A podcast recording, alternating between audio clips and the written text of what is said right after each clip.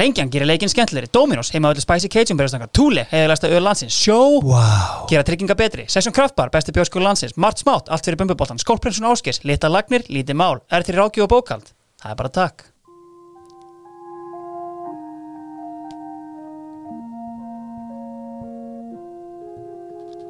Svona var sumarið er fótboltahlaðvarp sem kafar ofan í hvert fótboltasumarið og fætur öðru, eitt í hverjum þætti. Hverjir sigra, hverjir tapa, hverjir hlæja, hverjir skoruðu mörkin. Þú ert að hlusta á Svona var sumarið. 2001.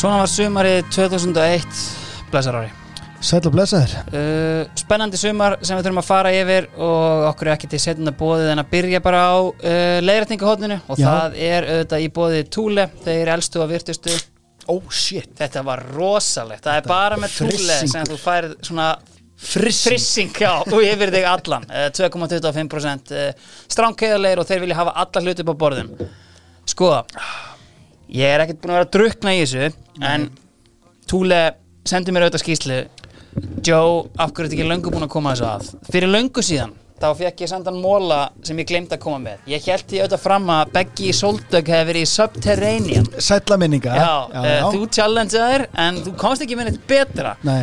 En þetta var auðvitað kolvillist því að hann var í hljómsveitinni Acid Juice Sem var samt fyrir ekki Acid Jazz Ég man ekki alveg nákvæmlega hvað Ég held að það hafi verið Acid Juice. En í hiphopinu þá Já, já, þú veist, Hann var legit rappari. Já, ok.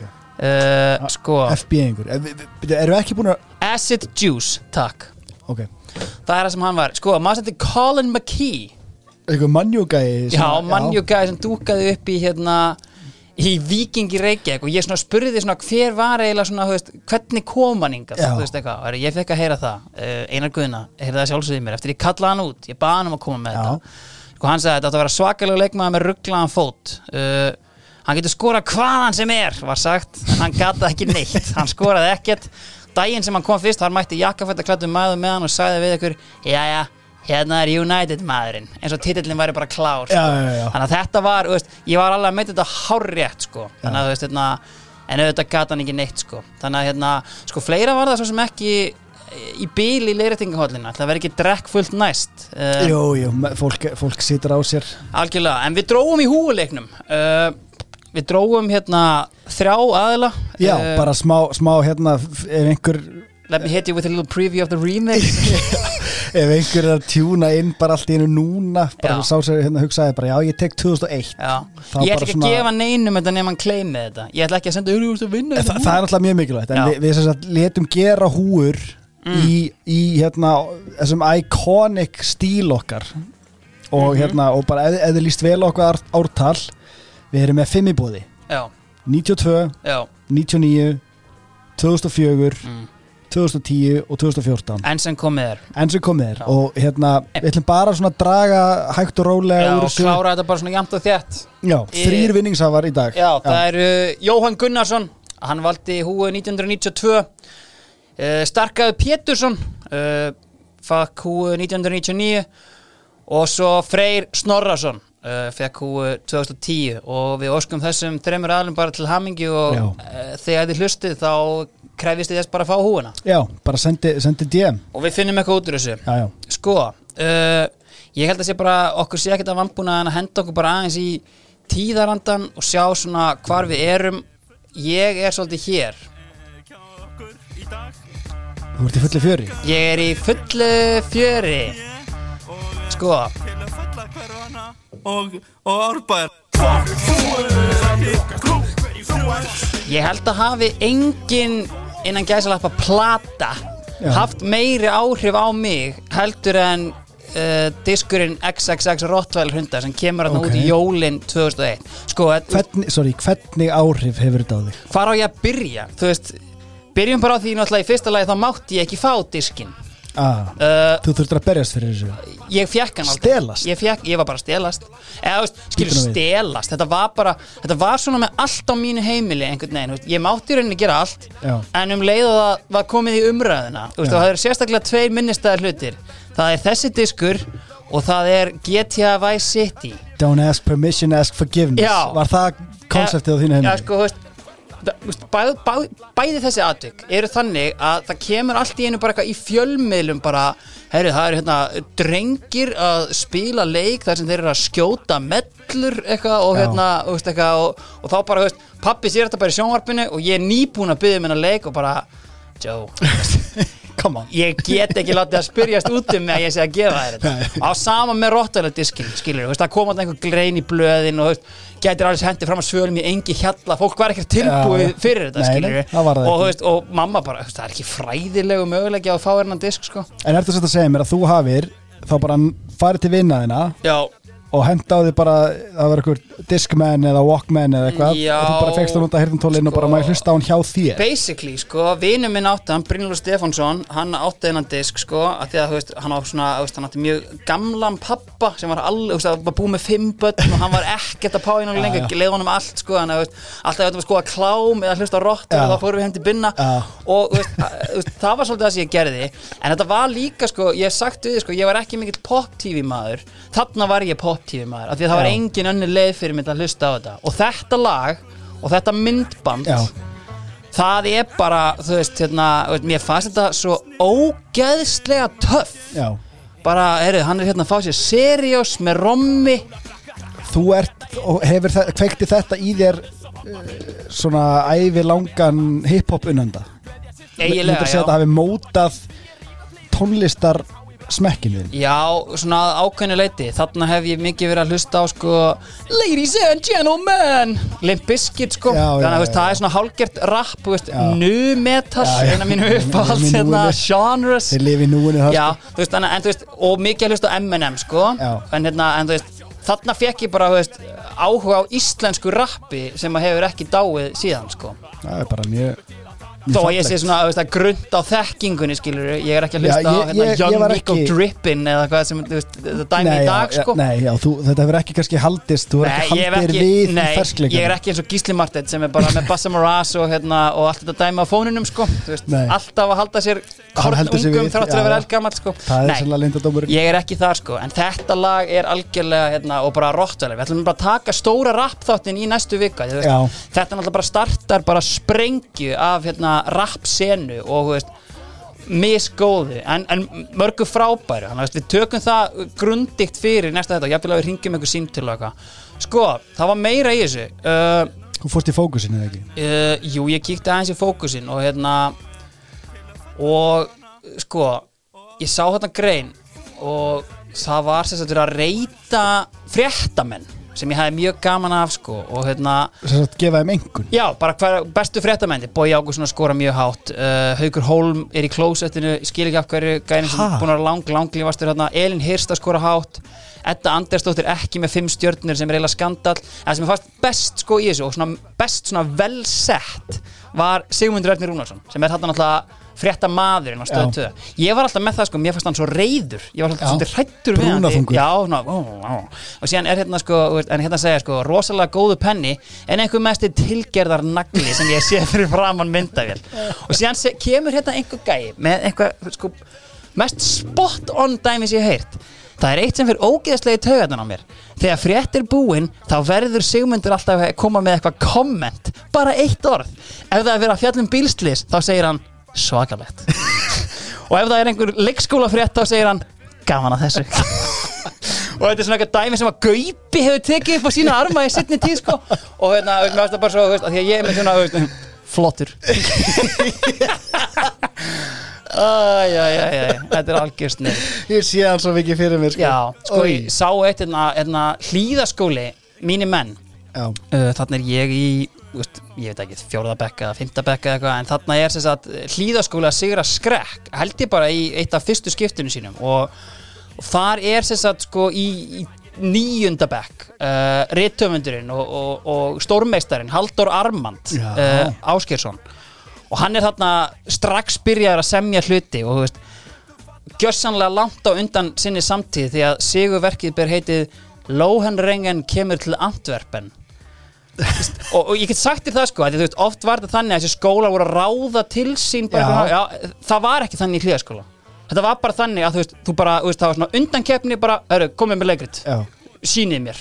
Þannig að Armandin hefur bara verið virtuoso já, bara, Já. hm, hvað með þetta fjallar um Lóhenrengen Svanarittara sem er á leiðinni til Antwerpen til að hitta konungin Parseval. Hann lendir síðan á ýmsum hættum og ævintýrum á leiðinni er, Vá, er hann hvernig sá maður bara ekki hva, í hvað stemdi hann strax? er, er hann djúft í tolkien hann Ég veit ekki alveg hver hann er en þetta er allan algjör snild. Sko, það sem ég fann líka var að hérna, frábær frétt hérna í, í fókus. Og það er sérst sko ef á að gleðja familíuna og koma óvart þykir flestum húsbændum þægilegt að renna við á myndbandarlega og leið heim og vinnun til að ná sér í kóladrykk, kartöfluflögur og almennilegan klámara. Svo er sest neður í sjónvaskróknum, klósettpappir útbýtt og stuðnið í kóri yfir bakspurningum, baksmurningum, peningaskotum og mögnuðu úttaldi. Og þessu fylgir, þessum ótrúlega texta, fylgir síðan einhver getraun sem ber hið magnaða heiti hver á hvaða slátur. Og hér eru bara 12, ekki 9, 12 titlingar.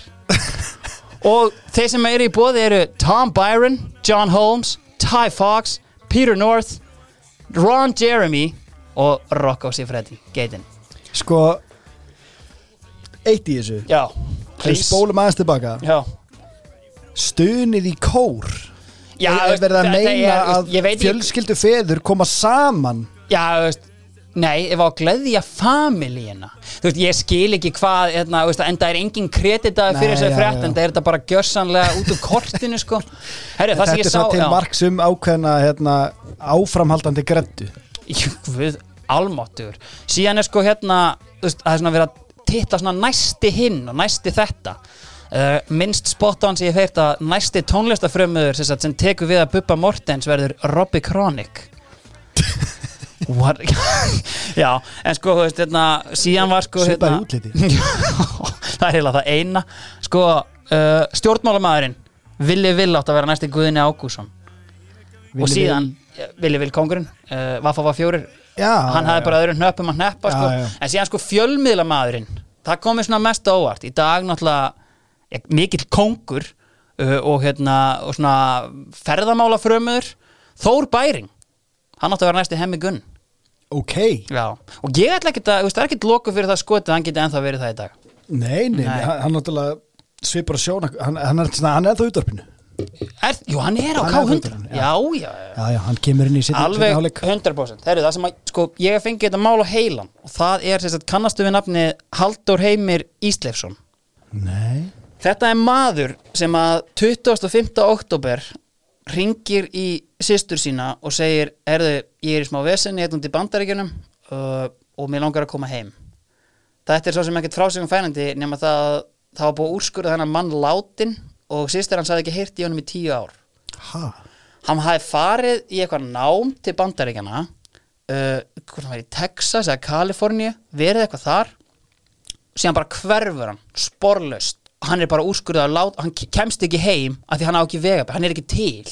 En síðan einhvern veginn bara eins og ég segi hann bara mætir hérna aftur. Og ég hef sko farið inn á dýpstu dýpstu blandþræði Já. í leita að einhverju sko. Frænka mín þekkir til manns sem að bjó einu sinni við hliðina á honum. Já, það eru já. engin svör. Mér finnst þetta svo Býtu innilega mætir hann bara til landsins? Hann bara flytur heim og hann er bara í byggingavinnu í dag og bara það, veist, það var leið í honum bara hvað varst að gera, hvað varst að gera, hvað varst að gera? Bara, nei takk, nei takk. Bara þú veist, alltaf mjög kurtis en bara, þú veist, nei takk, ég vil ekki gera þetta. Og enginn hefur gefið neitt upp hvað er fjandan var í gangi í þessi tíu ár. Shit. Magna mál. Herru, uh, Þetta þetta er að fara að senda mig einhvern spýral Ég finna bara. Sko ég er svo sem ekki minnett meira. Orri mm, Gaddem Eiríksson þú fórst að skoða þér eitthvað. Já, sko kom náttúrulega fljótt í ljós í grúski að þetta fyrir mér hinga til er þetta eitthvað rugglaðasta tónlistarár sem við höfum upplifað. Þarna þurfti bara aðeins að svona kafa í nokkur hluti að því að ég finn bara þörfina til þess að ræða þá. Ok, og mér finnst bara eitthvað viðegandi að taka fyrir eitt svona meistaraverk sem er sapnplata Já, Saplata sem að þekkist, við þekkjum þetta ekki í dag. Nú eru hérna plötu útgáfa breytt og allt það og hérna, Plötur eru eiginlega þekkjast allir í dag. Meni. En þetta er svona er sumarið. Er þetta ekki fyrsta svona er sumarið hérna, Það plata? gæti hafa komið 2000 Ég held ekki, ég held í alvörinni að 2001 sé, þú veist, þetta er hérna gallabugsunar hérna Já, á raskatinu og ég meina það er alveg hægt að segja það Ég meina nafnið á þættinum okkar er náttúrulega homage Já, til þessa, þessara platna. Já, Þetta var náttúrulega hérna, stór hlutur fyrir okkur. Jú, það, þetta er allavega fyrsta í mínu Já, veist, hérna, í mínu safni. Mm og hérna, þarna eru ógrinni af hitturum -hmm. Og- Má ég grípa bara aðeins í hérna eða viltu fara einhverju röð eða? Ég vil til dæmis sko, Já, sko, ég, ég var alveg til að byrja bara lægi nummer eitt sko. já, já, það er hér Já. Þetta er náttúrulega Sara Björgvins Já, já, og lag af samvindri plötu plata real- sem er þess The Real virði, Me, The Real Me já. já. þess virði að renni í gegn bara svona hérna, for the record Mhm. að, að því að það eru fleiri hittar ráni mm. og þannig er hún að vinna með einhverjum LA prodúserum og er komin á okkur sko bilaðan samning, þetta er sko samningur á við hérna Alan Pardew dæmi sko, ég held að þetta hafi verið samningur upp á okkar sex plötur og eitthvað Mhm. svona rugg já, en þetta er líka bara svona gæðin í þessu lagi já, eru þetta gæti verið Britney lag Kristina Aguilera, J-Lo dæmi sko. 100%. Þú veist, þetta, er- þetta er svona, svona Egil S feelingur. Já, þetta er, þetta er bara já, á að vera já Og líka, mannst ekki þetta myndbandinu? Veist, það var náttúrulega bara, þú veist Þú sérði það bara alltaf á, skilur bara kamerunni, veist, þetta er bara, ok, þetta er erlend Já, Þetta er ekki þetta gert var hérna. koreografað í drast Já, sko. og, og hún er í rauninni komin í bila meikana líka sko, því hún er á Já. þessum samningi. Mm. hún tekur þessa plötu og byrjar að túra með hana. Um, með sko hljómsdeinni O-Town Liquid Dreams, heldur betur. Þeir smíði eitthvað Frankenstein skrimsli og einhverjum alls konar píum Einmitt. Hrikalega gott, allavega. Og það í rauninni eins og nokkrar meiksögur þetta ár það er alltaf talað um 11. september. Heldur betur, já. Og ég svona finnst það pínu ódýrt sko, þú veist, jú, jú, heimurinn breytist alveg þegar þetta gerist og alltaf og ég er sko, ég er mjög hugfangin af 11. september og hérna ætla ekki að fara út í það já. Guðjón ég er alls ekki þar bæðu en þetta er samt svona, hérna, þetta er ógeðslega magnað moment og eitthvað svo leiðis en að íslenskar hljómsveitir meiki það ekki út af 11. september er land og síni líka já. og eitthvað svona Mhm. ég held að sé alveg fleiri ástæður heldur en bara það sko Þeir geta ekki með góðri samvisku engangu klingt þess að þetta. Nei. nei, nei. en sko, geðvillag Mhm. world class getur við sagt Já, já uh, svo er þarna nokkur lög Mhm. sem að tákna fyrir mér ákveðina innstimplun og við fórum yfir að senasta þætti að, að Íra fór gera þarna bila hluti á markanum mm. og sækja þarna Birgitta Haugdal sem að er ekki bara eitthvað, þú veist, hún er fín söngkona en aðalega var hún bara með eitthvað sjúkt brand sem hún var einhvern veginn bara með á tæru Já. það voru indjánafléttur eitthvað hausband, eitthvað mm. loðstígvél og hún var ekki eitthvað svona oversexualized. Nei, hún var alltaf bara hjólbeinótt, skilur Já, og já, það var bara hún geðveikt, krútlegt og bara svona, eða, krútlegt það var bara svona, veist ég er alveg sammála því. Hún var ekkert að fara á kynorkunni, Nei, skilurðu. nei, bara ekki, veist, hún var bara, veist, hún var þetta gullfalleg en, veist, en það skipti engu máli. Það var bara, þetta er alveg rétt hjá þér sko, hún var bara hún var geðveikt brand. Já. en og það sko, sástu quiz á föstudaginn? Nei. þeir voru að fara yfir hérna, þá var hérna loka spurning og hérna svari var Birgitta Haugdal og þetta er reyndar sko aðeins setna en þú veist, hún var bara veist, þegar Íslendingabók kom eftir þú veist, þrjá fjóra mánuða starfsemi þá var hún mest uppflett Já. af öllum Íslendingum. Já. bara hvernig er skildi Birgitta Haugdal svo það var gerð Já, Þú veist, það var gerð Barbie dúkka Ja, sem er ekki til í einu einasta upplægi í dag. Eftir að bara heima Já, alveg rétt, já. Er hana sko. Ekki segja fólki þetta. Nei, en sko, þarna, þarna er Íra að fara að stimpla sig inn með hérna, þessu lægi sem að hljóma hérna undir og þú ert með Íra fár að stíga þarna út sem Hit Factory Mm. þú ert með á móti sól Já og þú ert með Jón Jósep Já. og félaga Mhm. í svörtum fötum og allt tal um að Grettan sé líðandi lok þetta er náttúrulega lögin sko nakin, spendur og fingur. Þannig að við getum alveg slegið það út á borðinu að það er ekki staðan. Síðan gefa Buttercup út lagið Vilt. Já, og sko þarna með þessu svona, þessari innstimplun Mhm. þessi þrjú, þessi þrjú svona breakout lög fyrir þessar þrjá hljómsveitir Já, þarna erum við loksins komin með fram á sjónasviðið, það sem ég hef alltaf kallað uh, erðasindirnar sjö The Big Seven Skítamórall, Land og Sinni Írafár, á móti sól í svörtum fötum, Soldug og Buttercup. Já. Og The Seven Sisters. The Seven Sisters, þarna ertu með hljómsveitir sem að eru ákveðin kategória Já, Þetta er kenning sem ég ætla að varpa hérna fram. Þú ert með hljómsveitir eins og Sálina, SS Soul og Ný Dönsk og okkur sem er að gera hluti á sama tíma á þessar hljómsveitir. Mhm. En þetta er allt hljómsveitir sem hafa einhvern veginn öðlast einhver legacy og einhvern svona virðuleika Rétt. þannig að sko í setni tíð Mm. það er alltaf lægi að fíla þessar hljómsveitir Já, en ef þú hendir á fingur já Þá er það alltaf svona er Já, þetta maður veist, það er ekki Það er ekki bara, ekki "Djöfull, þetta er fíla- gott lag." Nei, þú mátt Nei. ekki fíla og virða Nei. þessa lagasmíðar Já. af því að þetta er einhvern veginn annarkort tengt einhverju skömm að mínum já. mati, það er einhver gretta sem að náði einhverjum algleimingi á þessum tímapunkti Mm. að fólk neytar að taka ábyrð á því að fíla þessa, þessi lög nema á aldamóta tónleikum eins og Já. ég fóra um daginn þar sem að fólk gjössalega keirir í sig Já. og lætur eins og hálfvitar Mhm. Nei, en þa þa þetta er þess pælingin mín að það er eitthvað við, veist, ég er að kalla eftir því Mm. að við hendum í eldur í mér viðurkennum hversu gott lag það er og hlustum á það with a straight face og hættum þessu ruggli þetta Já. er bara, það, þetta er virðing að verða lagasmíðar Sko við erum náttúrulega hérna, veist, við erum alveg sammála með þetta og ég er til dæmis sko maður sem er á mótið í að tala um guilty pleasure að þú veist, það er bara pleasure þú veist, þú bara Já, já. fílar lægið og okkur eitthvað skammast þín fyrir það Nei, og sem dæmi um það, sorry að ég sé að stoppa því sporinu Já. en ég á tímabili var ég alltaf að screenshotta lögin sem þú varst að hlusta Já. ég sá það á Spotify Já, já. og ég er með möppu heima sem ég er að safna. Og hún má fara á netið bara, bara by all means, ég skammast mín ekkert fyrir það. Og þú veist, þar eru veist, with a straight face get ég hent öllum þessum lögum á fónin og bara byrja hvað er að ykkur, er það Já. ekki með mér í liði hérna? Þú ert, þú ert þú ert komin hinum einn við, öll- við þurfum að 100%. komast já, já, að því ég hef líka sko, þú veist, að þú veist, að tala um mig svona, veist, um hvar ég var og eitthvað, þú veist, eitthvað, þú veist, ég er aðlætt á tónlist. Ég hef aldrei einhvern veginn vaksið upp úr að hlusta á eitthvað, ég er ennþá að hlusta á Limp Bizkit bara í vinnunni. Já.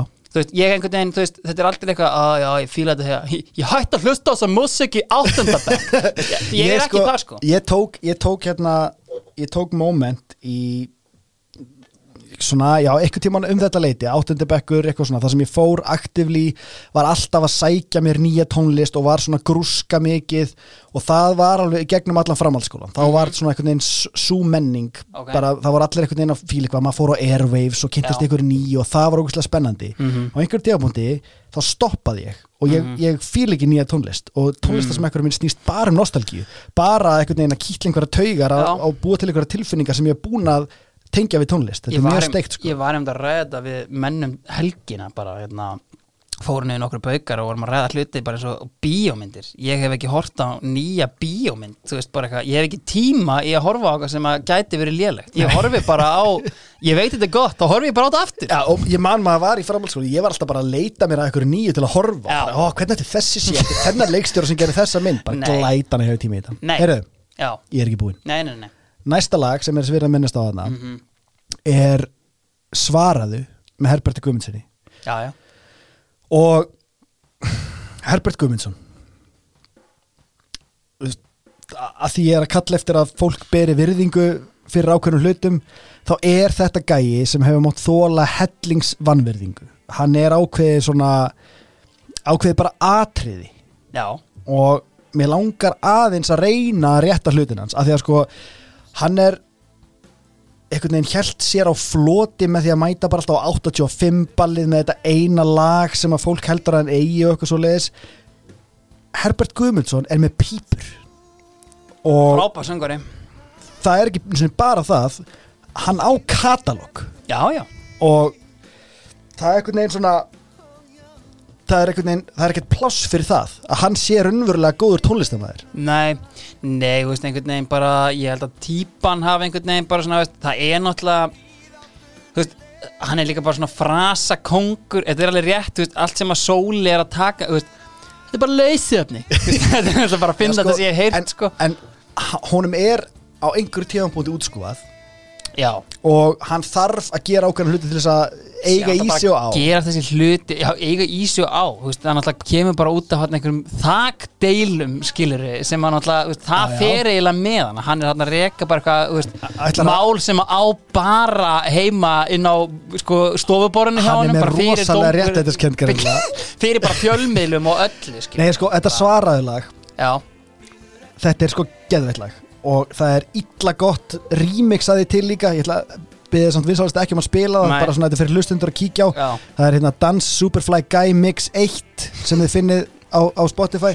Ok. En sko bara til þess að gefa honum smá sjátt á hversu góð lögut eru. Hann er með lag sem heitir Hollywood Já, já. sem er mjög mjúkt, mjög gott. Ef þetta væri einhver annar en hann þá væri þetta búið að vera svona meiri perla. Já, svo svona ný, nýlega bara senastu tíu árum hefur hann hendi í sko alvöru slagara eins og í þér býr það besta.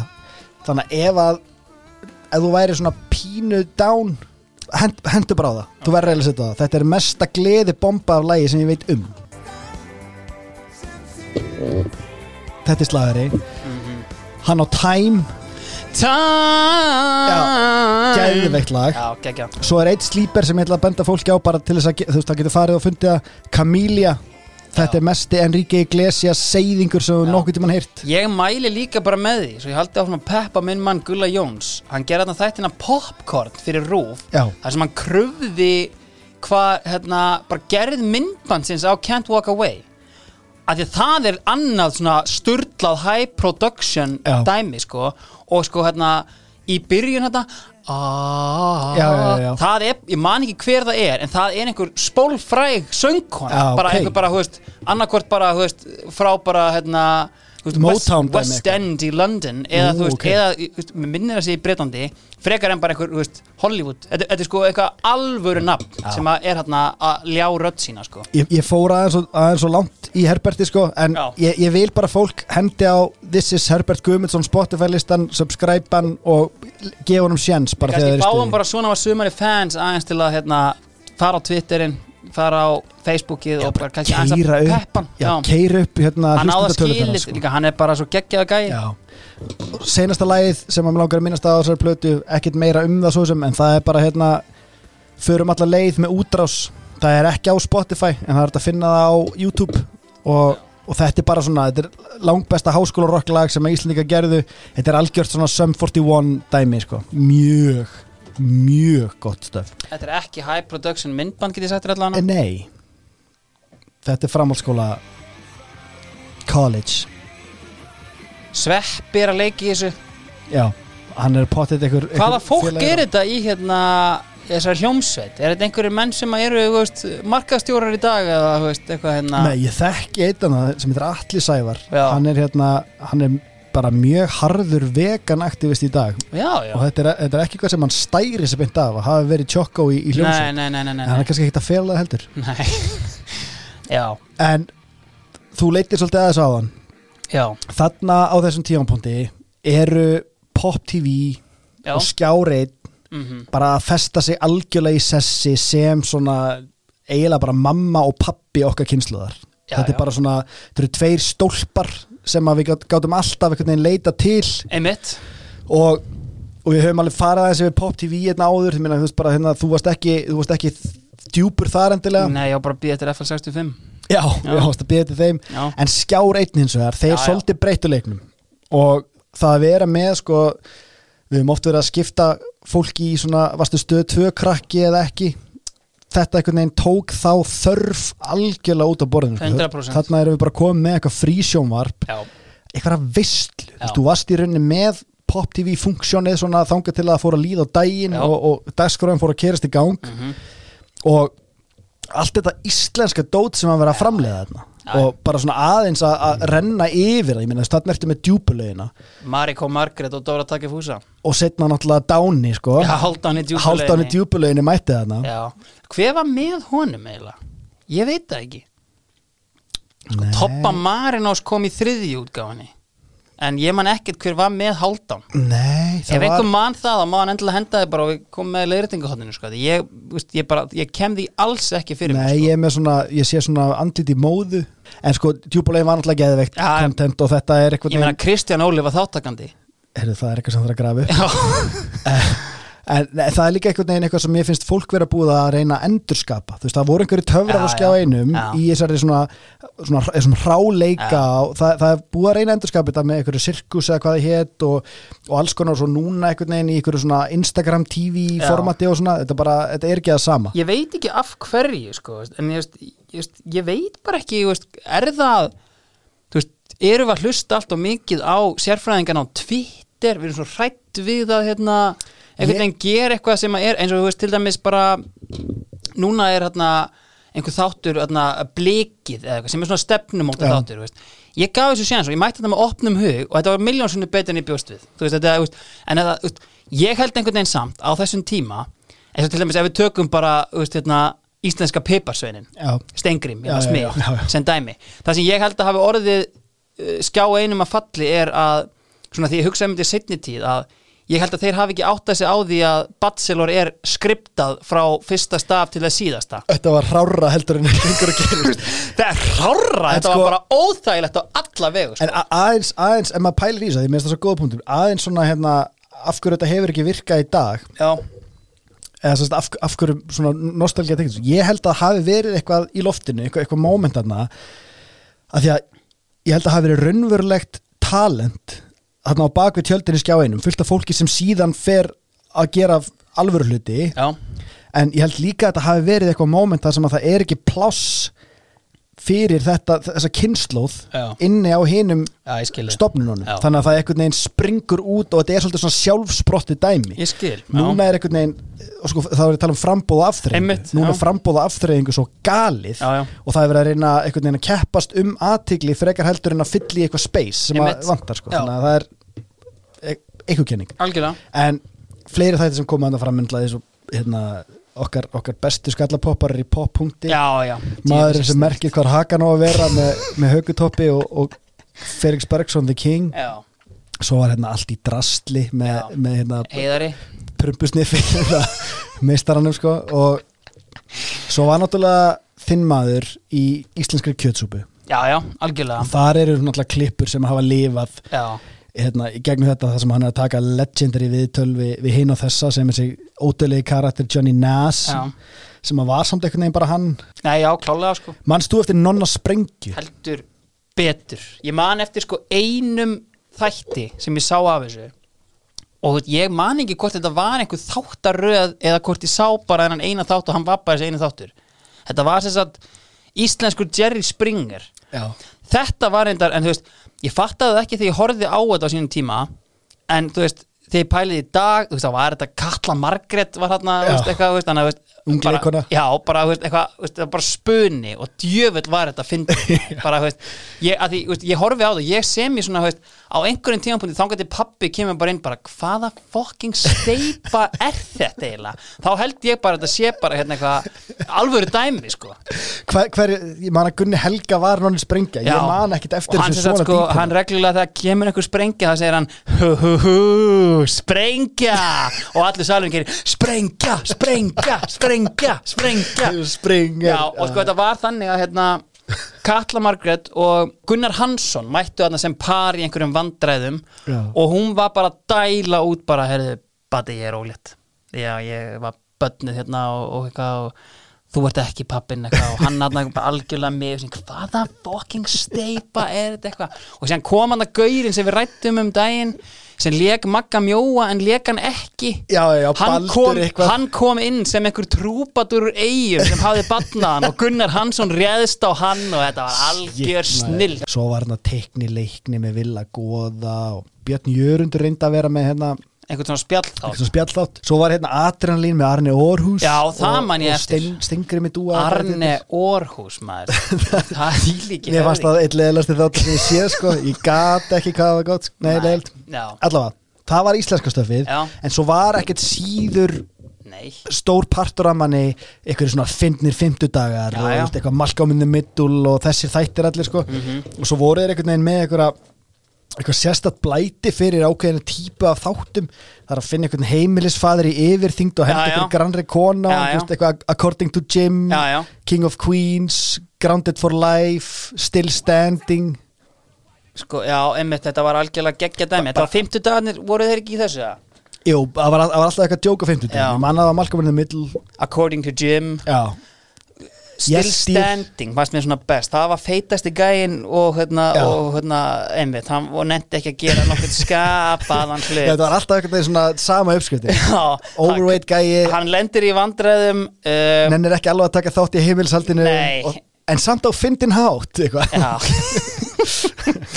En síðan var ég ekki, veist, síður hrifin af, sko, ég segi það bara linnulaust, sko, þú veist, ég er lögfræðingur í dag að því að mínir uppáhald sjónvastættir voru practice, Góðir sem að síðan hann Alan Shore, Boston Legal. já, spin-off af, sko, það eru bara geðveikir þættir, Já, ég meina Boston Legal, ef fólk hefur ekki tekið þá svona aftur í ykkur rýruna því að fólk er alltaf tönglast eitthvað þú verður að horfa The Wire, eitthvað svona Já, dót, sko, Boston Legal eru raunverulega rewatch þættir. Já, ég, veist, eh, veist, ég er svona, ég pyrraður út í Boston því að taka alla, veist, taka allt sjóið frá practice sem að ég er náttúrulega, Já, já, veist, ég er ég er practice maður, sko, Já, ég var mikill Eugene maður sko, stærsta neðri verið í heimi sko. maður, svo geggjaði gæði Nei, en svo hérna svo er náttúrulega sko, það var ákveðin uppskrift að virkukvöldi þar sem hún tókst sko 70 mínútur klukkan 10 og svo blætti það aðeins yfir í Jay Leno sem var alltaf veist, beint á eftir sko. Já. það var mjög góð uppskrift. Algjörlega. Og þetta er náttúrulega ég ætla ekki að fara mikið út í það en þetta er náttúrulega sorgasaga líka því að þarna kemur síðan bara í ljósa það er, Já, hérna, já. það er peninga þvættis dæmi faktist sko, Heldur betur. að reyna peningum og, hérna, og það endar alltaf Þetta er rauninni alltaf allt, þetta er allt kannski fjármagna, ég man ekki hvort að landsýmin var ennþá sko, þú veist, ríkisfyrirtæki náttúrulega, þannig að þú veist, þetta, veist, í rauninni vorum við að borga fyrir allt þetta content sem við vorum að fá, sko, það er hægt að færa rauk Nei, já, það blæti þarna yfir og eitthvað og það menn fá dóm og, hérna, og allt var þetta byggt á sandi. En samt sem áður tókst þeim á þess að ætla eitthvað að fara að glorifæja glæpamenn mm, þeim tókst að búa eitthvað til Já, sem að varð að einhverju legacy ekki bara fyrir einhverja kynslu sem sko eitthvað efni, heldur er þetta náttúrulega bara sjónvarpsímans í dag sko, þeir, þeir byggu til stöð sem livði fyrir utan það bara, veist, mig döð langaði að gefa sinni mínum millinafni Ragnar svo ég geti kallað hann Eisteinn Ra þetta er nettasta millinafn bara sem ég hef Já, heyrt bara sko. sólguðin Já, Ra. Heyri, Við slútum þess að Eurovision að vanda. Ok, uh, Það er náttúrulega höldu undakefni, við erum komin við komin á okkur svona góðan stað. Já. Veist, við erum bara önnur undakefnin í röð sem við höldum. Erum svolítið bara svona björt. Ok, no pun intended, af því að byrta slátrar þessu. Já, já en þannig erum við komin með eina Bárðarsson Magic. Það kom kannski ekki alveg fram áðan en Skímó eru þarna svolítið að leggja upp laupana, þeir eru svolítið að kæla sig. Þeir eru búin að lána hanna yfir Írafár. Já, og hann, hann alltaf bara fer þangað til þess að hérna, vera með kæro og, og hafa eitthvað að gera. En, en Einar Ágúst fer í meðferð og reynsa sig vel upp Já, og talar í einhverju viðtali svolítið svona traumatíst um Eldborg já, sem er náttúrulega hjúts svona menningar moment í sögu Mhm. Íslands þessi útiháttíð sem að býr til svolítið svona bara virkilega vond orðspora á útiháttíðum já, við algjörlega. farið yfir Uxa 95 eða 94, 95 Já, 95 hérna áður sem að fór bara freka vel fram sko, veist þannig að svona næsta stóra fyrir utan þjóðutíð er alveg bara hrottalegt og öll þessi, hérna, þessi botlösi tjöld og allt þetta svona Já, já. allt sem verður að einhverju Smjörsýra er svona koncept sem ég var alltaf að heyra um hérna. Og allt þetta svona, þetta verður að svona folklore, svo ég leiði mér að nota það orð. Takk. Þá, þá er þetta eitthvað sem að fylgir okkar kynslu svolítið áfram, þó að við höfum verið ungir þarna og alls ekki þáttakendur í þessu, þetta er Nei, bara eitthvað svona fjarlægt okkur, þá er þetta samt eitthvað sem við finnum í menningunni Ég, meina, ég man alveg bara sem 10, 11, 12 ára krakki veist, ég held bara að útiháttíði þú veist, væri bara the devil Já. bara svo ég vitni í Waterboy Já. það var bara eina sem ég heyrði var einhver smjörsýra og, og ég man ég sá að það var gerð einhver heimildamynd um Eldborg Já. ég sá þessa myndalega og þú veist, man svo vel eftir að úst, þarna, úst, gæn, eh, konan sem er að taka viðtalega kemur upp og sagði, já þessar hvað er ekki allir já, hann er 15, já, ég er 16 Já, Já, beti, er þið ekki með bjór hérna eða? Já, jú, eitthvað. Það var hróttalegt mm. uh, Ég var að tala um Eurovision samt. Já, sorry já, Nei, já, já, já, að því að, að, því að hérna, Einar Ágúst var hann fær nóg. Hann, hann reynsa sig upp og ég meina hann hérna náði ákveðin toppi árið áður með ágætis árangri í Eurovision. Litla veistlan sem hefur verið í eftirpartíinu þar með shit sko. En þarna ákveður að senda hinn hinn helmingin, þarna Já. er náttúrulega hérna, Birta vinnur rústæðar hundakefni þar syngja Gunni Óla sjóð heitur úr skímaæventurinu já, og Kristján Gíslason sjóð heitur úr veit ekki alveg hverju sennilega úr lautinni af því að hann á náttúrulega hérna, eitt besta stuðnismannalag allra tíma. Mm og sá gæi er náttúrulega ekkert eðlilega flottur, veist, hann er bara hérna, með eitthvað kjálkalínu frá, frá Greiklandi og, og söðrana mjöðmir og ég veit ekki hvað sko, hann er eiginlega hann er eiginlega íslenski Rikki Martin Já, veist, ég man sko ég fekk hérna sömarstarf hjá Vís sem ég vann, vann þar í nokkur ár sko Já. ég gleymiði bara ekki þegar ég fór í hérna, er þetta að fara í mynd hérna fyrir heimasíðuna og skýrteinu og eitthvað og, og ég mæti bara myndatökuna og bara myndatökumæðurinn er Kristján fucking Gíslason. Hann bara vinnur hjá Vís, skil, að vann hjá Vís. Sem ljósmyndari Já, eh, nei, hann var eitthvað svona yfir heimasíðu markasmálum ég man ekki nákvæmlega hvað hann gerði.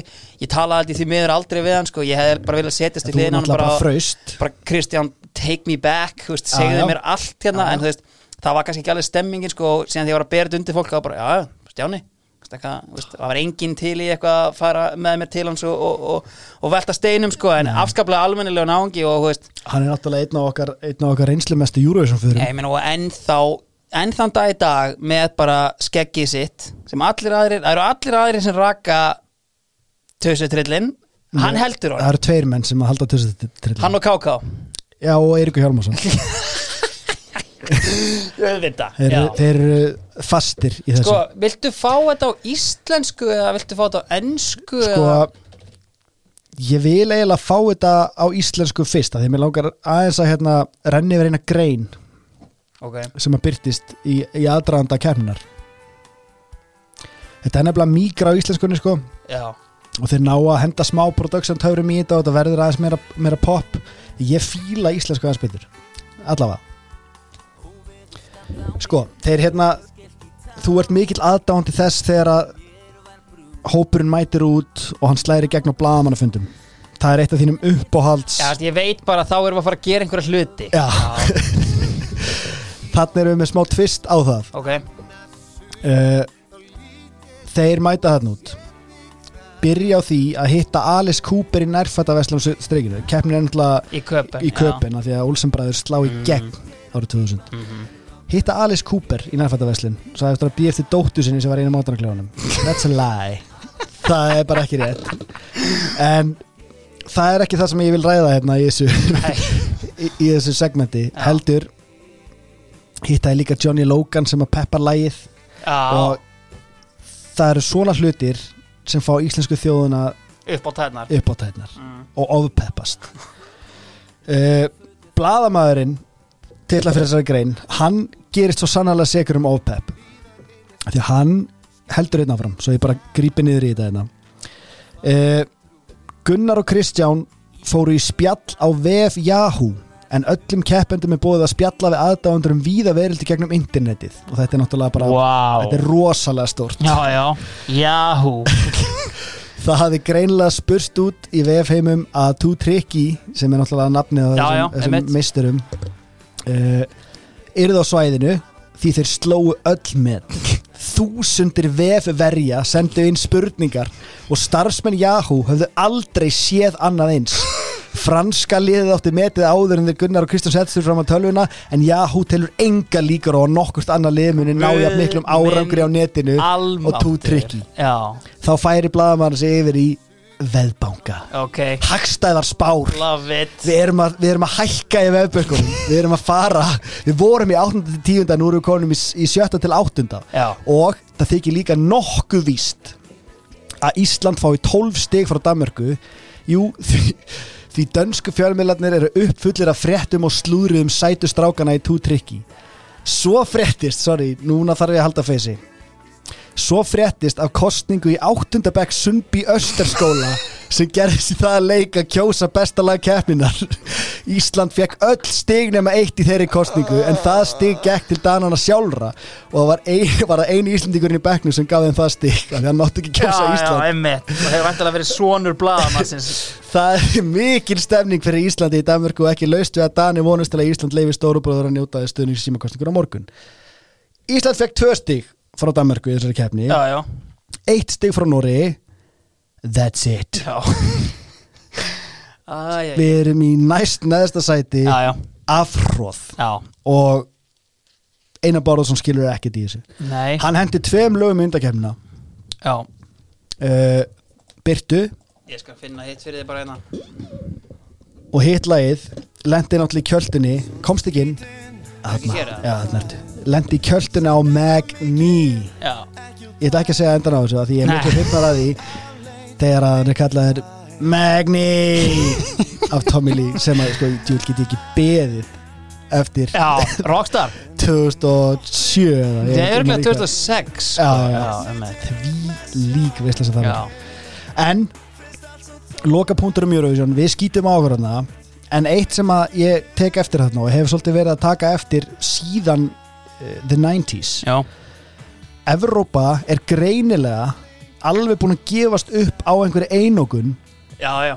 Og Ég veit alveg hvort að fara í hérna. við, við erum ekki við, þarna, eftir að Íratnir vinna back to back to back Já, þá nennum við ekki svona ruggli við erum Nei. bara búin að segja nei við back to back segurum af Já. því að ég held að sé ekki hægt að það er, þetta er ekki einu svona umræða að Danir áttu lang besta lagi 2001 þetta er sko Þetta er KR96 Þú veist, lang besta lag sem Já. hefur ekki unnið keppnina sko. það er nákvæmlega það sem þetta er og ég vil á hendur á það uh, right now, þú veist nákvæmlega hvað ég er að tala um Já, já, þú ert miklu betur aðri í Eurovision heldur en þú þykist sko. það er, þú ert, þú ert hérna Maður sjá það blundar í þér sko. þú ert Já. náttúrulega aðlæta á tónlist Sko, við erum auðvitað hér já, ég meina, þú veist, þetta er mest Þetta er bara mest gýrandi lag bara, bara veist, Þetta er geðveikt lag sko. og ég meina, það er ekkert annað heldur en þetta sem getur útskýrt að þér hafi ekki unnið það var annarsæti, það var eitthvað skítalag frá eistum. Já, come on everybody, let's sing along. Já, það er bara hérna það er bara því miður ekki lag sem stendst tímast henn Nei, bara, veist, þetta er stórkostlegt lag. Já, Shit, maður. Og sko, danska Margaret Eyr Margaret Eyr var í, hérna, bakgröndum Hún var í hérna, hópnum hjá Tú Tryggi sko, ég, Sér náttúrulega, ge- við getum ekki verið að tala um þetta án þess að minnast á það að sko, þú veist Jasmín Olsson, hún var bara algjör stjarna hérna fyrir að dansa í aðri Ég veit ekki, það voru tvær sem dönsuðu þarna En veist, Jasmín Olsson, veist, hún verður svona household name fyrir mér eftir þetta, sko. Já, ætla að sé ég er að reyna, ég er að reyna að muna hvenær hún og Addi fann að byrja saman sko Ég ætti að reyna að þú veit með það hérna einhvers staðar back of your Nei, sko, því að þau eru náttúrulega eitt af þessum stjörnupörum eitt af þessum fyrstu sem við eigum. Og, og ég er eiginlega í sjokki að það hafi ekki verið búið til hérna, Bennifer nafn Já, já, alveg, já, fyrir þau sko. Talandi um með mitt, þú veist, hérna, að ég var að minnast á áðan hérna Fólson, Fólsen Nei, sorry. Það sem ég var að tala um, ég var að tala um áðan hérna Hvað í anskotana var ég að tala um? Ég var að tala um hérna Jasmín Olsson já, já, bara Kristján Gísla Ég á nákvæmlega sama dæmi með Addafannar Ég. Var í brúðkaupi fyrir kannski 2-3 árum eða eitthvað Og þar er bara á næsta borði við mig Eru bara Jasmín og Addi. Og ég bara svona, að reyna hjóla stóru upp bara, heyrðu, getur þú please kynnt mig hérna fyrir þessu fólki? Já. ég veit ekkert hvað fólk þetta er. Veist, en bara, veist, getur við fundið einhverja til að tilla okkur hérna? Og bara, þú veist, Addi fannar farði með mér yfir þetta. Veist, eitthvað, það var alveg hérna það var álíka skellur, sko. Er herru, erum við búnir, eða? Já, ég raun og Nei, sko, það er eitt sem að verður að minnast á bara Já. svona að því að þetta er rosalegt já og það er hárið á Gunna Óla Já, Á þessu algjörlega, já, trú ekki sem að gleyma það. Þú veist, Hann alltaf bara, þú veist, hann mætir þarna sem Liam Gallagher, basically með breska moppu á haustum og barta í Já. undakefninni sko. ég Einmitt. veit ekki hvort þið, hvort þið fylgd honum alveg út Einmitt en hann er og svo er hann sko það sem að hann gerir ólíkt hann er að blanda saman stílum sko hann er, það sem hann gerir ólíkt Liam Gallagher Mhm. Já. er að hann er með skímó spreytannið eða ljósabennið. Mhm. og það er hrottaleg blanda alveg hrottaleg, Já, alveg klálega Herðu, ef við þá að fara í hérna kannski bara fótboltan Já, ekki bara kíkja eitthvað aðeins á hann Herðu, hvar erum við hérna Erum við ekki bara hér, eða? Sko, prísísonið uh, byrjum þetta bara á hérna eigamönnum, því það fer af stað svona, veist, það er ekki mikið um þjálfara skipti eftir tímabilið, en það fer af stað ákveðin svona þjálfara kapall okay. þetta er endar engin kapall. Uh, Kristinn R. Jónsson, hann tekur við fram Gummi Torfam vantla hættur. Já, og Njáll Eðsson kemur úr IR og fer til IBVF til að loka þessum kapli eða vantilega þurft einhvern til að fara í IR en ég veit ekki hvað gerist. En þetta, er- allan, þetta er það sem gerist sko, Kristján Guðmunds já, ætli það ekki. Njáll Eðsson, hann tekur við hérna, hann tekur við eigaliðinu Mm. pappi, Einars Njálsson Einars Njálsson á lengjunni KB Legend. Lengjan, lengjan, lökus, brengjan maðurinn sem að lokaði á miðju KR Já, og hérna fyrir KB sko ég mani um þetta þessum tíma þá var einar alltaf að mæta einhvern svona IPVAF æfingagöllum upp í Ah. hlýðaskóla og hérna algjörlega þannig að hérna góð stemming í honum þar sko. Einn af þessum svona sonum sem eru lukkudýr Já, þetta var basically þannig sko. Þú veist, hann var þetta eitthvað vinnandi hjá hérna pappa Margreta. Láru og eitthvað. Punktum hjá okkur, þetta er eiginlega draumalið sem við þurfum að setja upp ykkur tíman það er sko Já, lukkudýrin. Er, verða Íslandsmeistara með pöppum sínum og allt þetta, þetta er til endalust að þessu Já, uh, djúpur á miðinni, Bjarki Pétursson uh, 99 ég var, það er andlít að segja mig Algjörlega. Sko, Hlynur Stef, það er svona stærsta spurningin. Hann einhvern veginn er hann búin að vera besti leikmann Íslandsmótsins ári áður. Ætlar hann að halda áfram, ætlar hann að hætta? Þú veist, mm, mm, Ákveður síðan. Heyrðu, ég verð aðstofað Spilandi Ah. Eitt af því svona fyrstu keisunum sem við fáum af þessu Sem er sko, veist, þetta er svona mesta Ég er að klára fyrirlin minn í Pepsi-deldinni Er ekki eitthvað liði í annar eða fyrstu deld sem vantar spilandi Ja. aðstofað Það er svona að koma mér inn í þetta, já en hérna, og hann sér sagt, sko, um liðið í eigum þeir eru með tvískiptan hóp og hérna, Njalli er með grunnbúðunar í Reykjavík og okay. Hlynur Stefi síðan að sjá um að þjálfa þá hérna í eigum sko. Ok. Þeir missa alveg hérna, úst, þeir fá, úst, orðanda með hérna, útlendingana Mómir Mileta sem bara hlýtur að hafa verið geggjaðara þegar hann er með geggja nafn, Já. hann fer og þessi gaurar fara einhvern veginn allir Goran Alexis og annað. En rétt fyrir mót talandi um sem fara sköllótti Suðurlandskjálta skjálfurinn Páll Guðmundsson.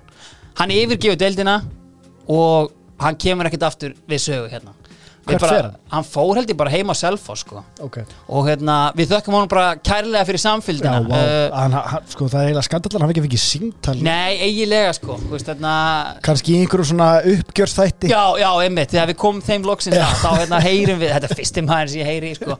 en hérna, sko rétt fyrir mót þá einhvern veginn rúa inn einhverjum útlendingum fá þetta einhverja breta, einhverja júkoslav og annað. En síðan bara kortir í mót þá er bara kongurinn er laus Bjarnólfur Lárisson kemur hérna frá annarkvort Skönþorp eða Volsol Já. hún að vera að baksa þar. Og hann kemur heim og það er svona veist, ákveðin vítaminsbrauta inn í hópin og síðan sko veist, kom inn á þá eftir. Allavega það er kannski verðt að fara bara yfir spána hérna. Uh, K.R. er spáð toppsætinu. Ég veit ekki hvort þú trúir því en þeim er spáð toppsætinu. Og k- á hvaða grundvelli mjög skrítið sko af því að þú veist, en kannski þú veist var bara verið að setja pressu á besta, þeir, eru tvöfald, þeir eru búin að vinna tvö orður skilur við, þannig að þú veist, Pétur Pétur sér áfram með liðið, en það sem að gerist þannig um haustið og kannski inn í vetun þetta er mjög sérstætt ástand sem er í gangi hérna. þeir eru orðaðir við allt og alla fyrir mót.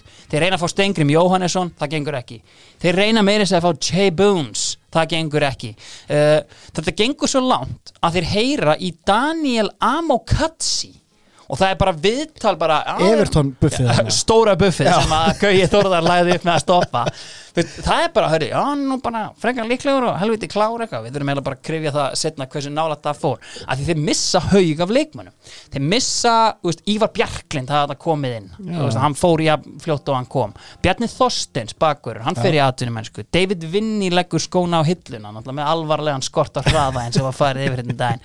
Og náttúrulega mesta höggið er að Andri Sigþórs fyrir atvinnumennsku. Ok, Þannig eru farnir sko, allavega þrýr leikmenn bara úr byrjunarlegin og bara svona Já, sem bara- í máttar stólpar, tala nú ekki um andra sko. bara átjónleikja menn svona og það er það sem er að skoða með Amo Katsín sko, það þarf eitthvað, þeim vantar fyrst og fremst vantar hann að strækjar og in the end þá fá þeir ekki neitt þeir eru orðaðir við alla, þeir bara fá engan. Jú, sorry, þeir fá Sigurvinn okkur Ólafsson.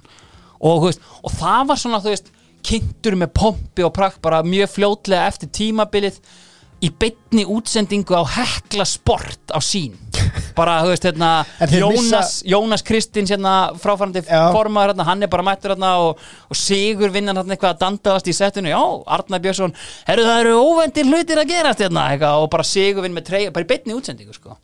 og veistu hvað sjúkastu við þetta þegar ég fekk Sigur vinn Ólas í draumalið og ætlaði að fara að velta steinum um hvernig það hefði verið já, var það? Ég man ekki eftir þessi hann bara mundi ekki eftir þessi að skrifa undir samning í beinni útsendingu.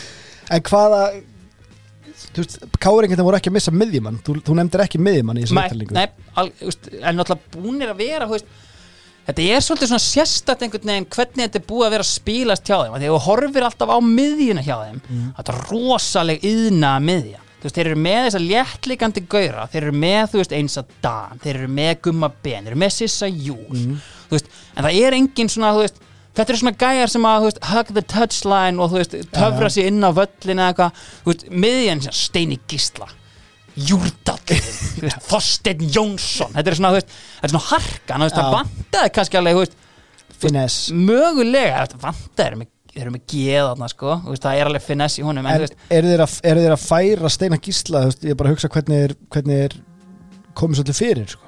það er alveg pæling kannski við skoðum það bara hérna setna þegar á líður, sko, en Já. þeir fá reyndar eitt leikmann í viðbót, uh, þeir fá mann á reynslu sem heilla menn upp úr skónum, hann spilar hérna leik, æfingaleik í 20 vinstegum slittu á mínus sjórum gráðum og hamra boltan upp í skeitin og fæ bara samning strax, Musa Danjoko Já, uh, meir um það síðar. Sko, það sem er kannski aðteklisverðast er að öðru sætinu í spánni það eru grindvikingar og á hverju það er byggt skil ég ekki fullkomlega. Þeir voru reyndar í þriðja sæti árinu áður en þeir voru aldrei í neitt topparáttu nei. Það sem er kannski helst sko, Milan Stefán heldur hérna áfram og þeir fá þeir, þeir fá Gretar Hjartar heim úr atvinnum mennsku hann hérna, Ah, ok, sandgerðingurinn já, nú- sandgerðingurinn snýr heim og þeir missa í rauninni ekkert annað. Nei, og Þeir hann hafi reyndar- verið náttúrulega rugglaður áður en fyrir út. algjörlega. Og þeir missa hérna þeir missa hérna gæja sem heitir Guðjón Ásmundsson og er, var held ég á þeim tíma sko leikja eftir leikmaður grindaði eitthvað svona club legend já, og svona. En þú veist annars er þetta bara sami hópar jú ok og einhver lið veikari og svona Kekits, Ramsey og Gretar Ólaður Þetta er alveg hérna þetta er alveg tríó for the ages. Þetta gæti verið Dominos tríóið bara á einu bretti sko. Þú veist alveg 100% sko. Og þeir hefði bæta við sig einum skemmtilegum bita. Félagsskipta hallur kemur frá neista djúbavói Ok. Já, og hann bara startar fyrsta leik. Miklar vonir bundna við hann. Hvað er hann gamall? Þannig? hvað er hann eiginlega gamalt er hann ekki bara eitthvað 78 módel eða eitthvað? Ég hef sko Svona sennilega. e, hefur síðan spilað Já, já. Veist, hann er með löpp. Já, og sko Og hann 77 sama, sama í, veist, hversu mikil aukakílóðum voru, það var svona smá skali þarna, Mm. Svona þegar maður mann eftir að hafa séðan, það var alltaf það glitt alltaf í þetta svona hérna. Ég spilaði sko bæði með honum og á mótunum og veist, ég man, ekki undir þetta síðast þetta síðast tímabilinu sem ég spilaði við hann þá hérna þá snýrist leikur hans basically um það að hann fekk boltan einhvers staðar bara, úst, bara inn á vallahelmingi anstæðingana beigja eftir snertingu, hendi sér niður og síðan skora hann úr aukarspillinu, sama hverju fjandanum hún var á vellinu sko, lasin löp sko. Herru, hinn er nýlegatin í deildinni FH ok, höfðu auðvitað farið þarna í undanástinni byggarnum ári áður Já. voru með þarna þetta þessa geðveiku hryggjarsúlu í Óla Adolfs, Heimi Guðjóns og Hötta Magn. Óli Adolfs leggur skóna á hillina My work here is finished. Já. og hérna en þeir heldur hans bara mikið til sama mannskap. Þeir eru með þarna Youngbloods, Davíð Þór Viðars Hannes Sig. Og síðan sko er bara bladamannafundur það sem er blásið í herlugra þeir fá Sigfisk Mörk í Jóhanni Georg Möller. Þeir fá hinn umdelda Hilmar Björnsson. Og það sem að mestu máli skiptir þeir fá Sigurd Gaddem Jónsson. Já, ég saði að sko hérna Siggi Jóns hafi komið þarna rétt fyrir móti fyrra. Já. verið eitthvað annar löppinni hann flutti í bæinn og hann basically bara beið meðan hérna símtölum ringdi inn og síðan tók hann bara besta bóðinu sko, sem var frá FH og það var, þú veist það var hugur í mönnum sko. Þannig að hérna, þetta er Things are Brewing. Já, alveg klálega. Og þeim var spáð bara svona um miðja deild þú veist, sem var hérna allt annað en kollegum þeirra í val sem var spáð tíunda sætinu, meinum það síðar sko, en það sem þeir fá líka er sko, þeir fá annan sveitastrák upp á topp. Og það er tvítugur club legend bróðir Kristins Björnssonar Já. Atli Viðar. Björnsson hann er þetta lent í leðilegu meðslum þarna um miðbygg móti, hvort hann er sleitt crossband og var ekkert með en, Ok. okay. byrjaði vel, veist, ég held hann að skora sko, sitt fyrsta markum móti K.R. bara og, hérna, og létti yfir honum sko. Þannig er verið að leggja vinna ákveðra grunnvinnu í einhverju sem er verður síðan að einhverju svakalega og sko hérna og K.R. hérna, þeir eru unnu dildarbyggarinn og þeir eru svona almennt að koma bara svona hérna sterkir inn í þetta og veist, svolítið svona spurning hvernig þetta fer. En ef við förum þá bara beint inn í sumarið. Sumarið er auðvitað í bóði sjó. Vá, árið 2001 á setti sjóf á heimsmet. Þeir voru auðvitað naming sponsor á kvennahlaupinu og þeir byggu til heimsins stærsta stuttermaból á heimsins stærsta herðatré sem hekk e, upp í seglagerinu ægi, mannst eitthvað eftir þessu ég sko náttúrulega mikil Mér rámar í þetta Ég er náttúrulega mikill kvennarhlupsmaður sko, Já. bjóð þarna bara á, á hlaupaliðinni sko, Já. þannig að þetta var uh, mikið bögg En í þegar sa- þetta var alltaf sko, ég var Í, lokaður se inni. í seglagerinu ægi allan að hekk heimsins stærsti stuttermabólur á heimsins stærsta herðatré sem er fast geðveiku fítis líka sko. Veit Ég- ekki hvort við fengum þetta samt staðfest Ég er mjög ánæður að þetta hafi ekki verið slegið Nei Eflaust ekki. Sko, uh, ég minna hans auðvitað bara á Inbús Kasko hjá Sjófa uh, Tryggingar eru hundlega dæmi en þú verður að hafa þetta. Kíktu bara í bolla hann í Midtown eins og Danny Deluxe kallar kringlusvæðið. Þar eru Sjófa auðvitað við hliðin á húsi vestlunarnar uh, og hérna bara endilega heyrið í Sjófa með öll eitthvað mál. Sko, opnunarleikurinn í árbænum Eggi Magnusson, hann var búinn að læra sína leksju frá árinu áður. Hvað var aftur opnuleikurinn? Stjarnan Grindavík veist, Under the lights. Strákar, þetta var munnfell og bara engir sjansarteknir beint upp í árbæ fylgir káar Ok, Stengrimur Jó með eina markleiksins í 1-0 sigri. Og Bjarni Jó bara í rauninni heldur áfram þar sem frá var horfið. Bítu, bítu, bítu Já, Stengrimur Jó? Já, sorry, hann er komin í fylki. Hann hafnaði káar og hann er komin í fylki. Sputnik liðið auðvitað frá 2000 og veist, það er kroppaði leikmenn frá fylki. Gilvi Já. Einars, einn albesti leikmar Íslandsmótsinu árinu áður, Já. hann er farin í atvinnumennsku. Helgi Valur Danielsson húkaði ræta á his banana boat Já. og fór aftur til Peterborough. Þannig að þeir úst, missa basically miðsvæði nema auðvitað úst, það sem Bjarni Jói er, hver er þar? Sverri Sverrisson. Hann er auðvitað á miðinni áfram. Og þeir styrkja sig með sko, þeir fá hérna Hreiðar Bjarnason frá Breiðablík sem var heldur betur búin að gera gott mót að halda þeim uppi hérna, með einhverjum ótrúlegum mörkum. Síðan fá þeir sko hérna, en Óli Stíks stígur upp í þetta hlutverk sem vantaði inn á miðin Já. og hann var svolítið prominent figure hérna. sko þeir fá síðan líka uh, Pétur Björn Jónsson. Mannst eitthvað eftir honum? Gæi sem var svona, hann var í liftri og var aðeins baksandi þar þú veist bara svona norðanmaður strækjar sem skora ekkert endla mikið að mörgum átti heldur betur eftir að reyna drúur í, í appelsínu gulu. Sko, uh, þeir eru að vinna hennar fyrsta leik og svona í fyrstu umferðinni mætast líka fallbaróttu liðina því að valsmönnum var spáð næsta sætinu og frömmurum var spáð nýjunda sæti út með 37 falda Íslandsmeistara þarna í bottsætunum eins eðlilegt og það er sko valsmenn mæta á valbjarnavöld algjörlega dyrvittlausir yfir að hafa verið spáð bottsætinu og vinna framara, leika á allsátti 2-3, Kristinn Lárusson fyrirliði Pulling the Strings Býtu þetta er fram að spila á Valbjarnavill já, ekki að lögða þessu sko Ó, ok. hjó eftir því, ég veit ekki hvort það breytist eitthvað þegar líða fór á sko er, er þetta bygging sínastúkunar?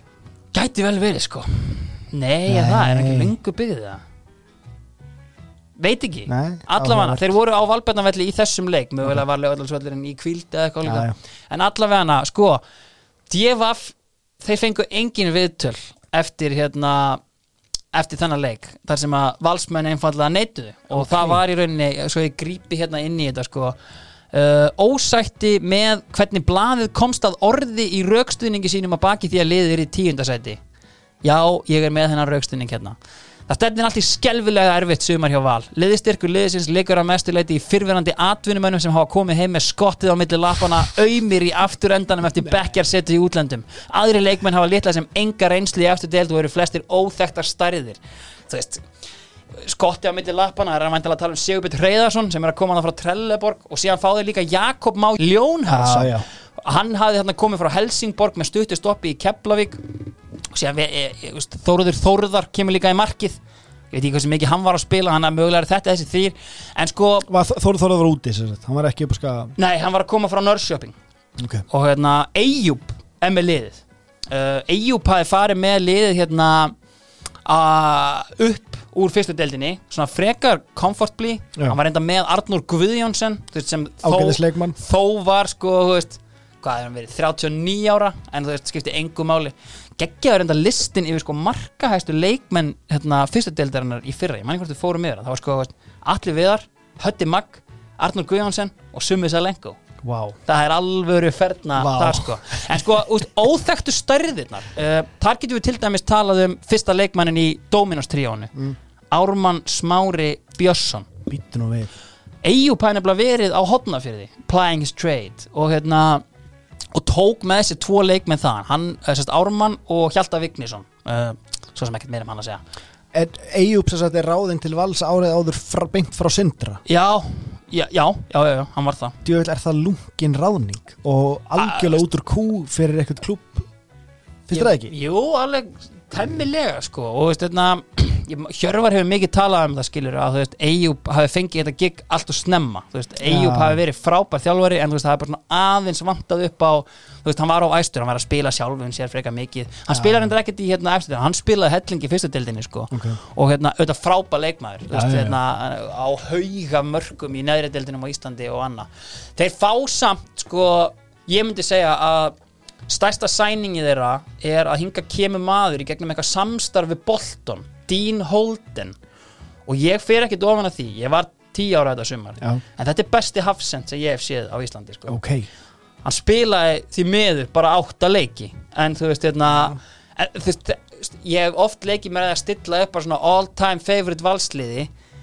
Þessi maður er 100% á blaði. Í bara hverju einasta drafti sem ég bý til. Bara geggjaðu leikmaður og hann átti mér þess að einhverja leiki með bo þessi gaur er sko að þjálfa eitthvað í dag bara just í, hvort hann er í League One eða eitthvað Hvað er típa að miðverið var þetta? risastór, fucking British bara já. get it out it, when in doubt, kick it out en samt, þú veist, ég meina, gata alveg spila og, en ég meina, við vorum ekkert í neinu þannig Það var svona dominant leikmaður, já. bara tilfinningi var bara það er ekkert að fara að mæta bara, ég man bara, ég var upp í stúkunni og ég bara horfði inn á völlin og hann var bara svo fucking stór að maður var bara, djöfull er hann nettur maður.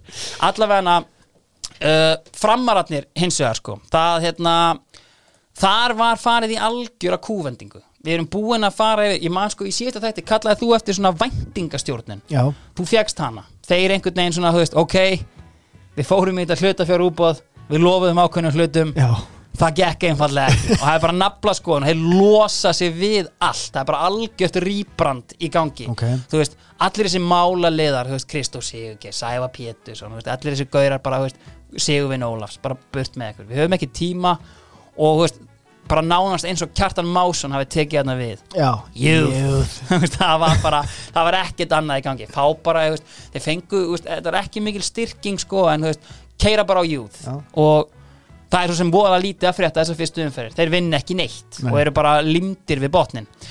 Annars verður þetta umferð sko óvandra úslita fyrsta umferðin, blikar lögðu eigamenn á Kópavásvalli, blikum var spáð bara þú veist, rétt fyrir ofan fallið og eigamennum hafi verið spáð mjög góða gengi. Og hérna þannig að þú veist, blikar eru þarna að mæta með playerskynsluðina Já, þarna er sko Maril Baldins búin að fá smjörþegin farin í atvinnumænsku bara næstu menn úr þessari kynsluð takk. Kristján Óli Sigursson, Átni Kristinn Gunnarsson. Þeir eru bara í byrjunarliði í fyrsta leik. Ok. ég talaði með hann að Káur hefur reynd að ná Jay Boons ræturna voru bara í Kópavóinum Já. hann mætti aftur í Kópavóin og það er líka gamall refur mættur tilbaka og hann skorar sig og marki í þessum leika mútið eigamönnum með sínum óendanlega bónaða og glæsilega skalla Ertu að tala um The Carnell Carnell, Kristján Carnell Brooks Vá. eftir hotspinnu frá öðrum manni sem er komin tilbaka Kristof Stoichkov Ok, þannig að Kópavórin hefur síða svartara sko, Já. en þú veist, þeim er samt spáð ákveðnu brasi sko. ég talaði um það í síðasta þetta að þeir voru með hérna, stærsta og þingsta liðið árið hérna 2000 alveg rétt. Þessi vildi stjórnin breyta og þeir fengu til sín alla 169 cm Róbert Slilla Skarpiðinssonar sem var minnsti leikmaður dildarinnar þetta árið. Takk Óskar fyrir Sali Heimi Porsa og Andri Martins lögðu skóna á hilluna en það var árið helviti langt síðan Andri Martins átti eitthvað erindi í íslenskan fólkta Eitt samt, Já, umsögnin um valsmenn áðan já. Var einhver titlaði fyrir því? Nei, nei. Erum við með sama blórabökul og Já, já, ekki. Það ekki Jú, hvort að voru einhverjir titlaði fyrir að ég veit alveg hvernig að skrifa þetta. Það hlýtur bara að vera. Hinn óvæntu úslitin Keflvíkingar vinna Grindavík. Grindavík hafði þetta verið spáð þessu frábæra gengi en Olsegir og kortungir Keflvíkingar mættu til Grindavíkur og kláruðu 1-2 sigur. Þetta munaði kannski mestu um það að í lið Keflavíkur var komin Haugur Ingi Guðnason. Og hann var Ah. ekki í KR forminu sínu, hann var í Liverpool forminu sínu. Ok. hann er hérna mættur, leggur upp skorar, Grindavík jafnar reyndar hérna í millitíðinu einhverju vítaspinnu já, sorry, hann kemur þeim yfir. Grindavík jafnar úr víti. Þegar neyðin er hæst þá er Bjargvætturinn næst. Oh. Þórarinn Brynjar að sjálfsögð með sigur markið í The Derby. Og þeir eru með svona ungt og sprækt lið. Þeir sækja hérna fyrir tímabili hauginga, þeir fá Ómar Jó tilbaka sem hafi verið í Malmö að spila með Slatan og eitthvað svona.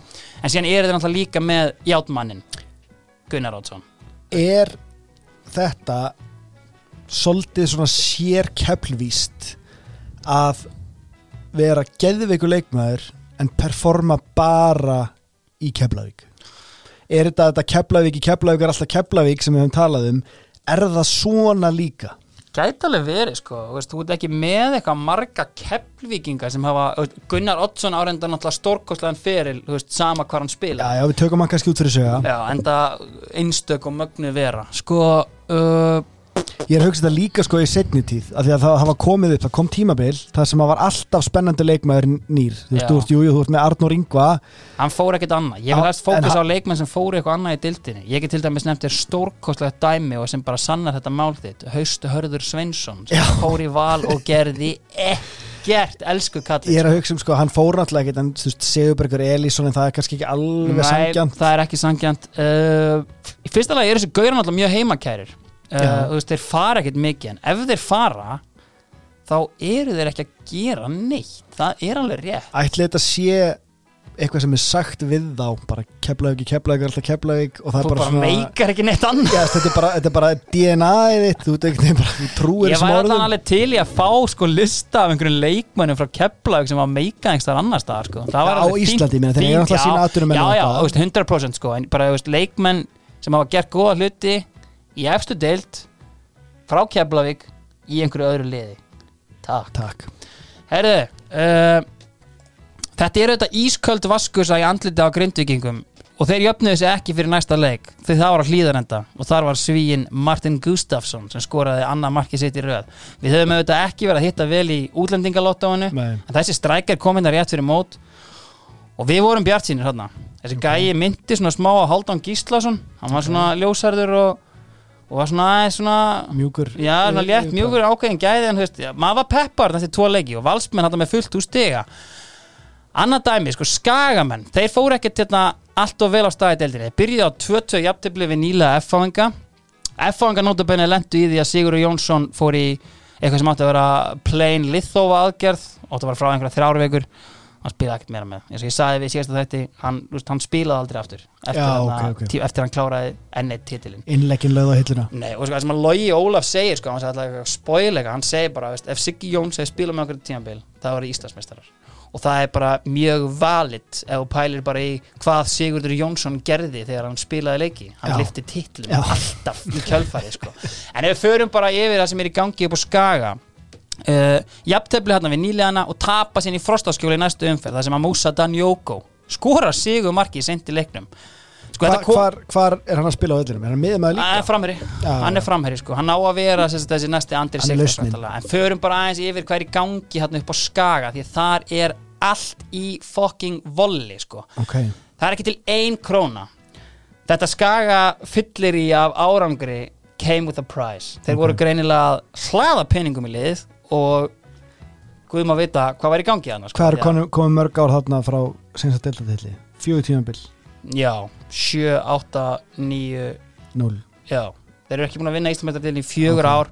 Og það er bara þeir skulda sko 70 miljónir ofan og allt annað. Ingibjörg Pálmadóttir þáverandi heilbreyðisráð þeirra móðir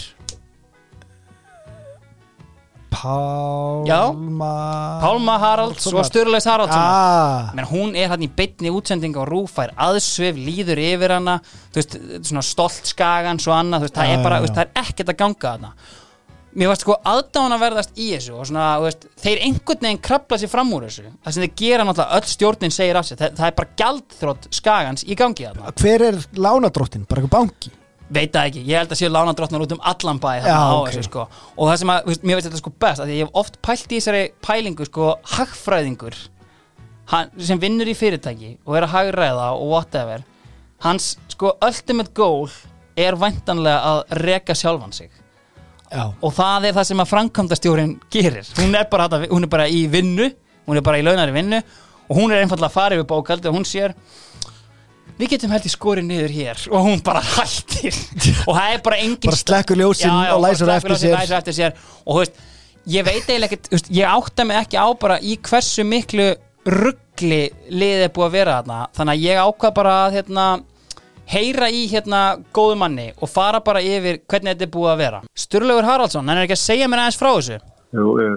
Það er mikið hafar í allan veturinn, það er ekki til króna til að gera nokkuð skapaðan hlut, uh, leikmenn er að lækka er í launum, framkvæmdastjórinn segir af sér, ég meina ofan á allt annað þá nýgur móðiði niður í beinni útsendingu á rúf, þú veist, stemmingin bara upp á, stemmingin bara upp á skaga þarna, þú veist, hafði þetta mikil áhrif inn í leikmannahópin? Já, þetta var rosalega sérstætt sko, því að félagi var taknilega gjaldróta annað fyrir áramótin Mm. 2020, nei, hérna, já, 2001 og hérna stjórnin segir af sér þannig að við stóðum uppi með það að við erum að taka hlutin í einn hendur og það var mikið samstæði sem hóp og, og það var ákveðið bara að halda áfram. Og rauninni höldum við áfram bara að æfa á fullu og hérna Óli Þóruða tekur mikla fórustu í þessum málum sem þjálfari.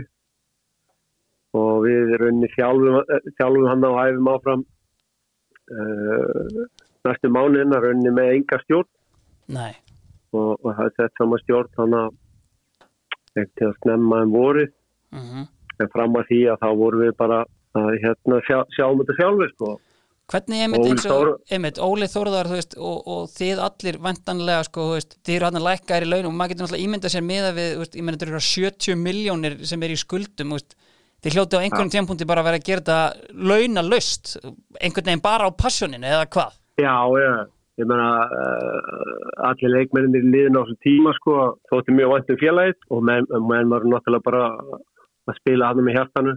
Að hugsa um félagið og, og, og þá var náttúrulega alveg óljóst þannig lengi vel sko, hvort að menn fengi nokkuð borga yfir höfuð. En hérna en flestir á endan voru lækkar launir kannski svona helming en, en það var mikill hugur í, í liðinu að, að halda áfram og, og í rauninni heldur þetta að við hafi þjappað liðinu rosalega mikið saman Mm Þetta er náttúrulega byggt var- mikið á heimamönnum og kannski svona Já. ungum leikmönnum sem að, þú veist, ef þú horfir á leikmannhópin í dag, þá er þetta kannski bara svona Já. mjög fíntlið, en á þessum tíma þú veist, kannski ekki þekktar stærðir í mönnum eins og kannski Gretari Rafni eða Baldri Aðarsteins.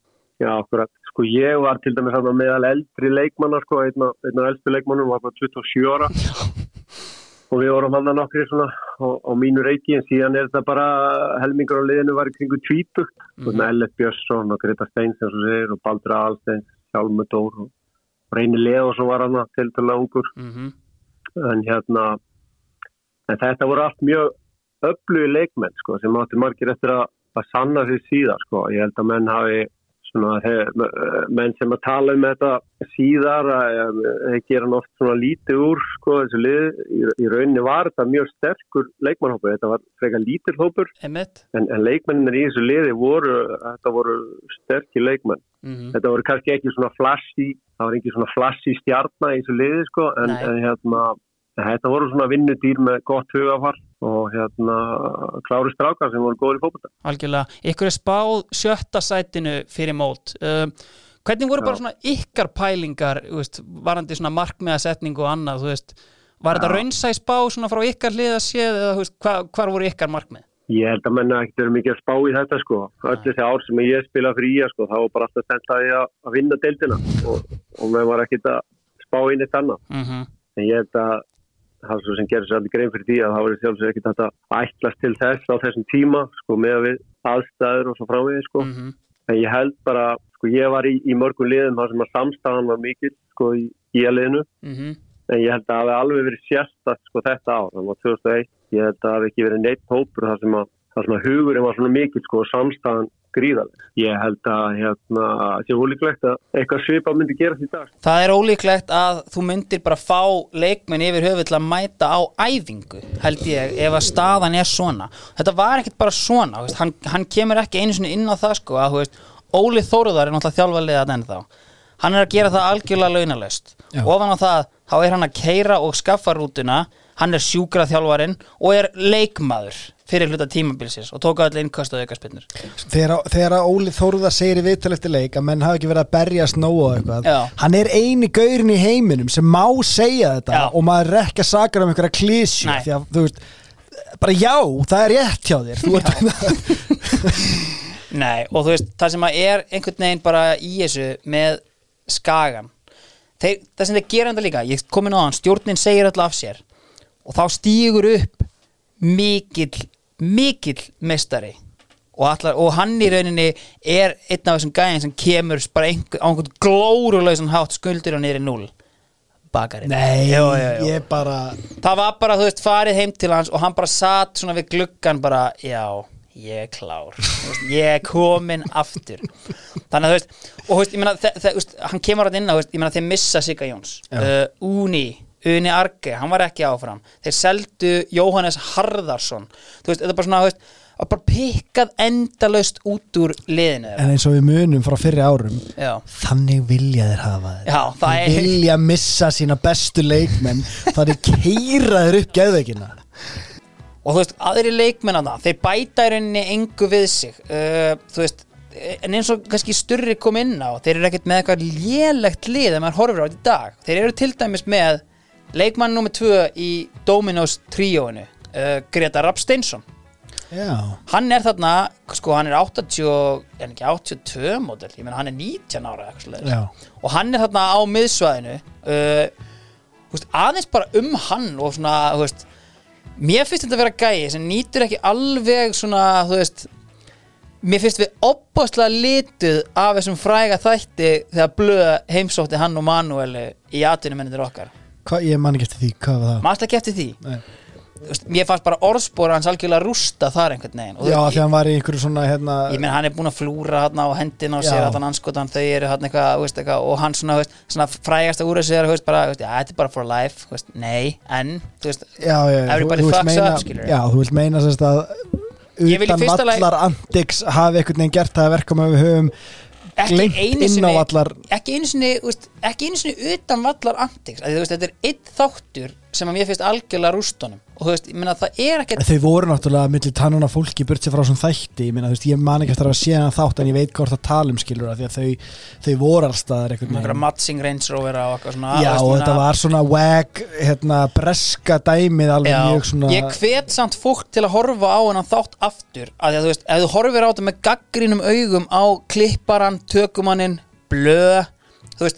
þá er þetta allt tekið úr samhengi. Þetta er æsifrétta þetta mennska er algjör æsifrétta mennska Herri, þeir fá, nefndi ég, þeir bættu við sig Sigurði Sigursteinsinni Nei. pappi, Arnór Sigursson takk! Ha? Já, þannig að þú þú sér það en þú sér það reyndar ekki þarna hvað hann hefur hæfileikana því hann er líka sonur Margrétar Ágadóttur. Já, og þú áttaði væntalega á hver er bróðir Margrétar Ágadóttur Jón Vilhelm jæja, Þar eru raunverulegu gæði og veistu hvað pappi þeirra Ági er kallaður? Ági Bakari. Þeir eru tveir. Það eru tveir bakarar upp á skaga. Nei, einmitt. Herru, og hérna, og hérna einmitt, Óli Þórðar er líka náttúrulega að spila hérna og ég meina Rakarinn, Haraldur Gatiam Hinriksson hafi verið þeirra markaðasti maður árinu áður þú veist. þeir eru náttúrulega líka með sko hjört hjartar upp á topp sem hafi verið hérna komið árinu áður. Já hafði átt svona, þú veist ekki gott tímabræð, þannig að það skoraði enginn. Eins og ég kom inn á, Rakarinn var markaðasti leikmaður þeirra, sko, með eitthvað fjögur eða þrjú mörg, sko, en þú veist prísísonið, þú veist, menn voru svona þú veist, kannski getur hjörtur, þú veist, nú kemur þetta, nú voru hann já. 27 ára. Núna er þetta að fara að koma, sko.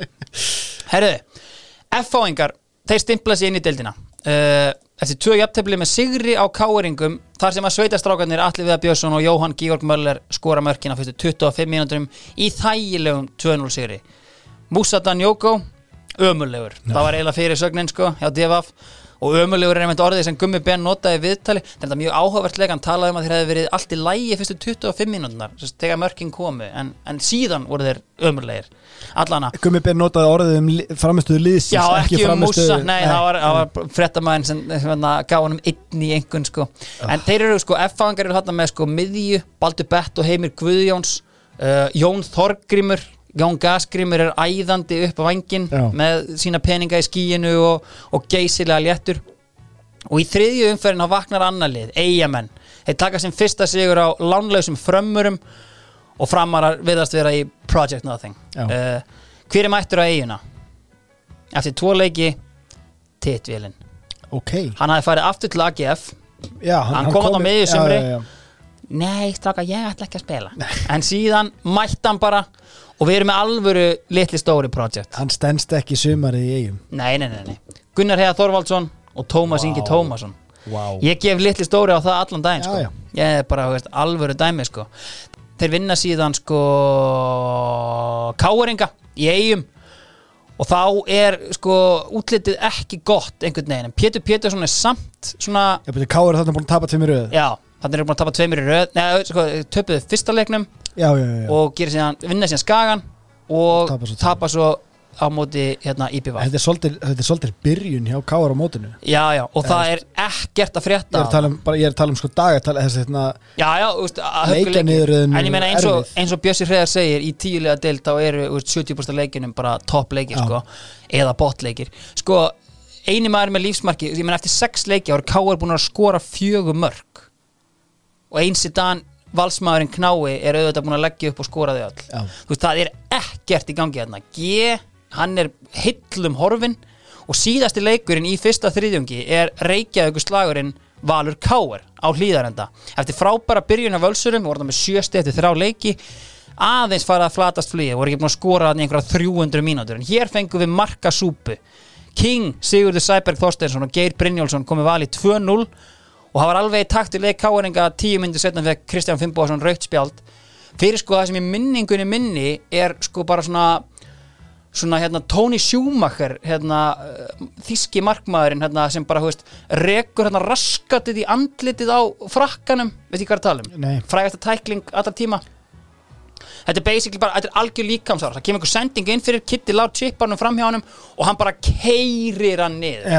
Gjörsamlega. þetta er ekki Rekber nei, nei, nei, nei, þetta er meira bara eitthvað Já, svona, þetta var bara algjör hark, jú, jú, ég veit hvað þetta er er algjörlega. Og úr aukaspytinu skorar Bjössi Reyðas hamrar þessu upp í vinkilinn 3-0 í hálfleik. Loka tölur 4-2 fyrir val Káeringa klóruðu aðeins í bakkan Pétur er komið með gumma ben á bekkin hann er ennþá með mússa upp á topp sem fekk Ah. annan ás hann í engun og það er ekkert að frétta þarna. Staðan til fyrsta triðjum gæti þannig að á toppnum eru fylgir og F-fáingar með 11 stig þar fyrir neðan með 10 stig Skæin, Valur og IBVF Framarar unnu sinn fyrsta leik í sjöttu umferð voru 1-0-5 en eru samt á botninum. Þeir eru unnu þarna kærkominn sigur á skaganum með marki frá Ása Arnars og blikar eru með 6 stig og Káer í níunda sæti með 7 stig. Og þeir voru eina liði sem var búin að spila 7 leiki. Þetta var einfallega ekki nóg uh, Pétur Péturs dregur upp skotvapnið og hann bara rífur sjálfur í gekkin bara, ég er farin, ha? Takk fyrir mig. Og þú veist, ég man alltaf eftir viðtali við Pétur Péturs þegar hann segir upp sko.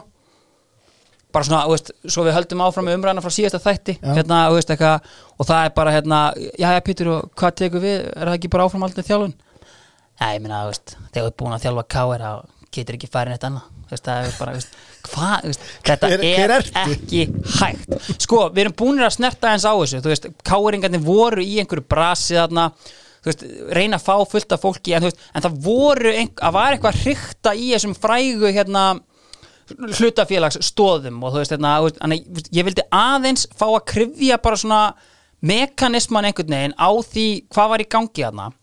En ég ringdi í hérna mætan mann uh, Leif Grímsson hann hafði tekið við Já. að Magnús Vara Skram sem, sem hérna framkvæmdastjóri já, rekstrarfélagsins ok og Ég er tala um Gaurinn sem er alltaf með tölfræðin á Twitter Já, og- einmitt, Já. húsvíkingur á Litsari, Römmur svo taug uh, hérna, heyrum bara eins í honum Leifur, er það ekki allt í lagi? Bara ljóti. Þannig K er búið að vinna tvö ári röð uh, Það eru fullt af leikmönnum sem að yfirgefa rauninni og fara í atvinnumönsku og það þarf að styrkja hópin og veist, um haustið lítur þetta út fyrir að vera svona stór huga en þú veist, bara svona þinn fyrsti dagur á, á skrifstofinni, þú veist, var staða félagsins verri en þú bjóst við?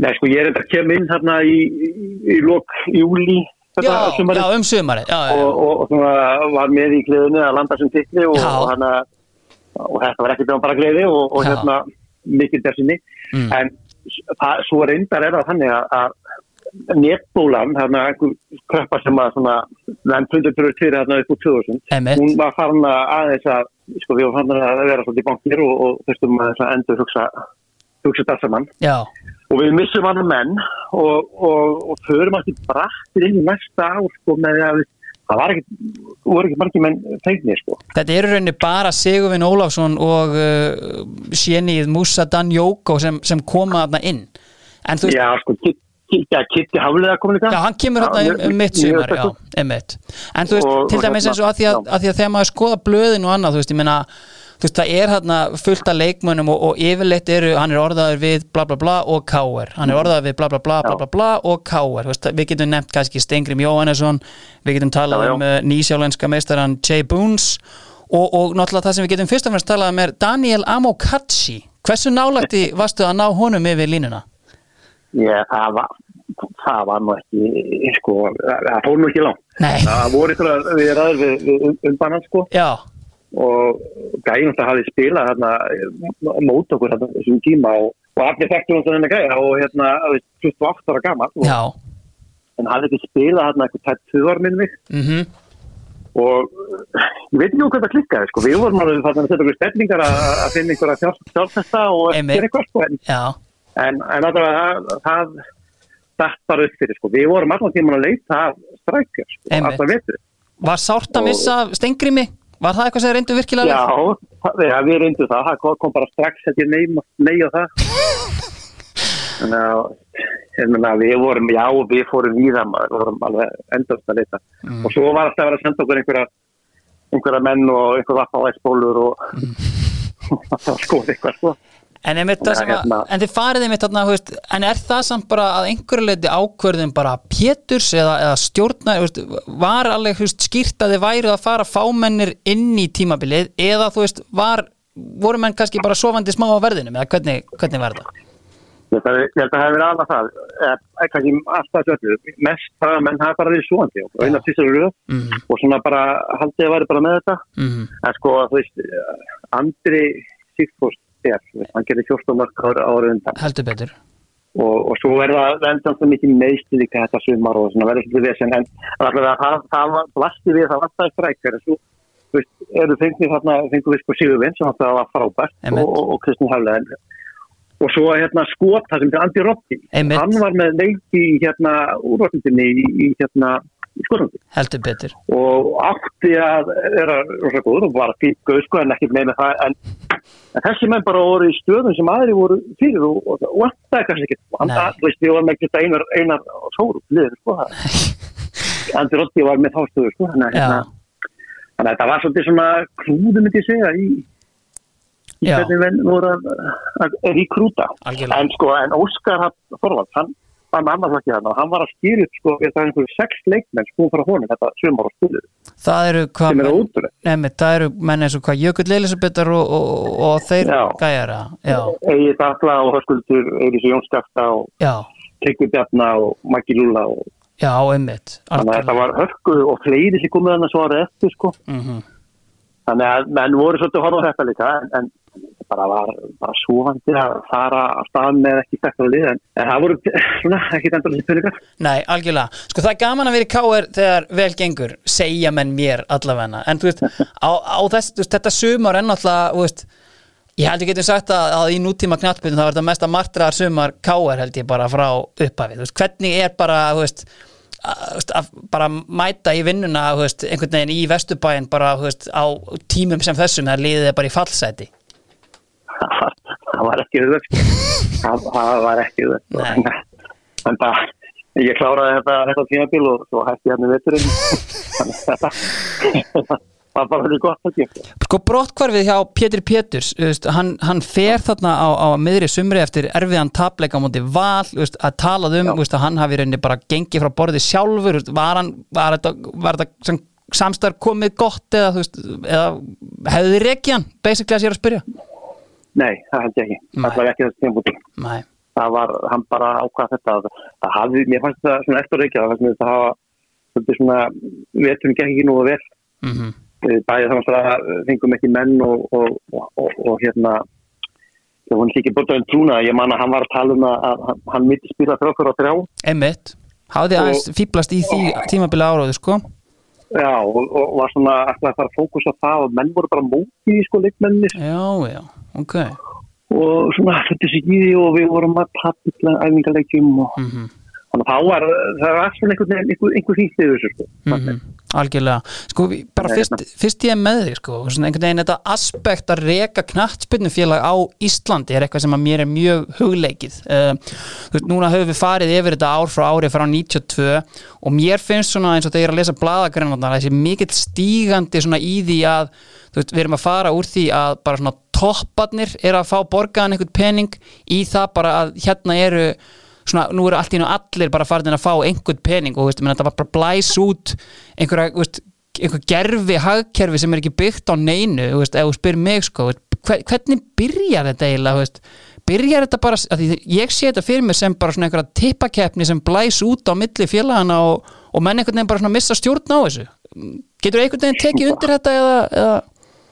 Bara algjörlega, þetta er bara nákvæmlega já, þetta er bara, nákvæmlega En- og ég maður líka þegar við vorum að leita að mönnum þetta þennan vetur sko að við buðum ekki hæstu laun sko nei það var jafnvel sko Grindavík eða einhverjir mm. en munum okkur og öðrum að það við vorum með sko kannski 13. 14. mann sko á, á fínuleunum meðan að hinni voru kannski gerðan okkur með þangað nei, emmitt þannig að launakostna var svo kvíðilega há sko Mhm. en þetta bara, veginn, já, þetta bara blés út og, og kannski vonum að selja einhvern og eru peningar en þeir voru samt ekki svo gríðarlega miklu nei, nákvæmlega emmitt þannig að sko þetta var bara sangjarnin að þetta sig og, og, og hérna svo bara fóru menna inn að finna pening.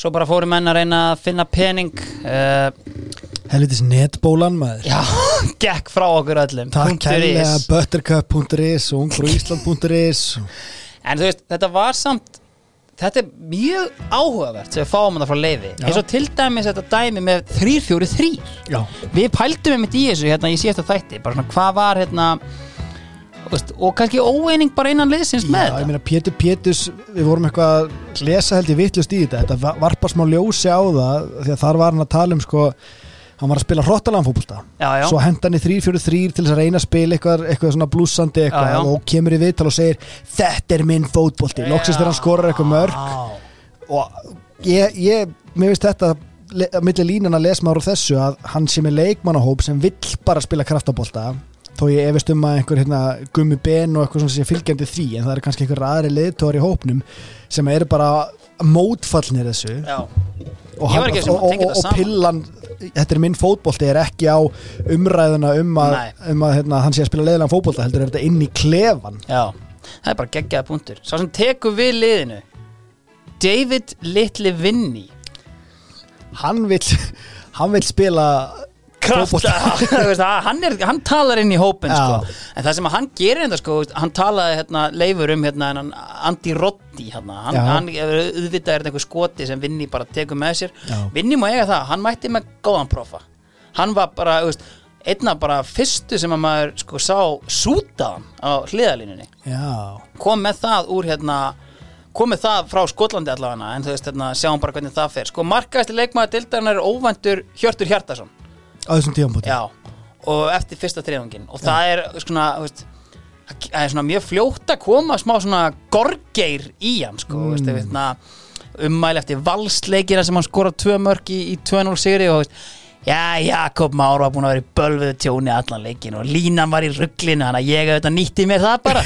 Hérna, veist, talar basically eins og sé bara Alan Shearer þarna eitthvað, gæði sem er ekkert gert í eftir til Það er ekki, þessi bara gauðir sem að flakkum neðri deildirnar 27 ára og bara veist, allan að helviti gaman aðeins svona vel peppa eins og skagamann sæmir. Herri, ég er svona, þarf eiginlega bara að melta þetta viðtal við hérna leikurinn, svo ekki taka bara smá háluleik hérna.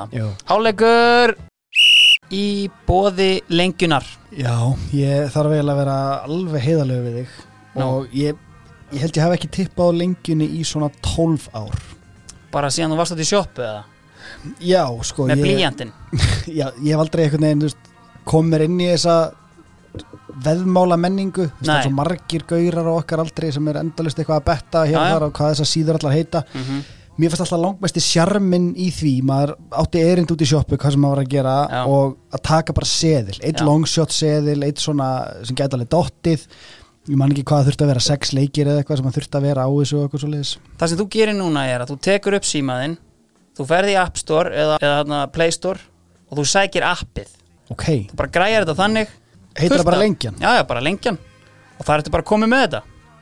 Og þetta er bara sama upplifin og gætir allt eins verið út í sjoppi þú bara, þú veist, þú ert ekki í sjoppunni þú ert bara heima hjá þér. Tjóðis visla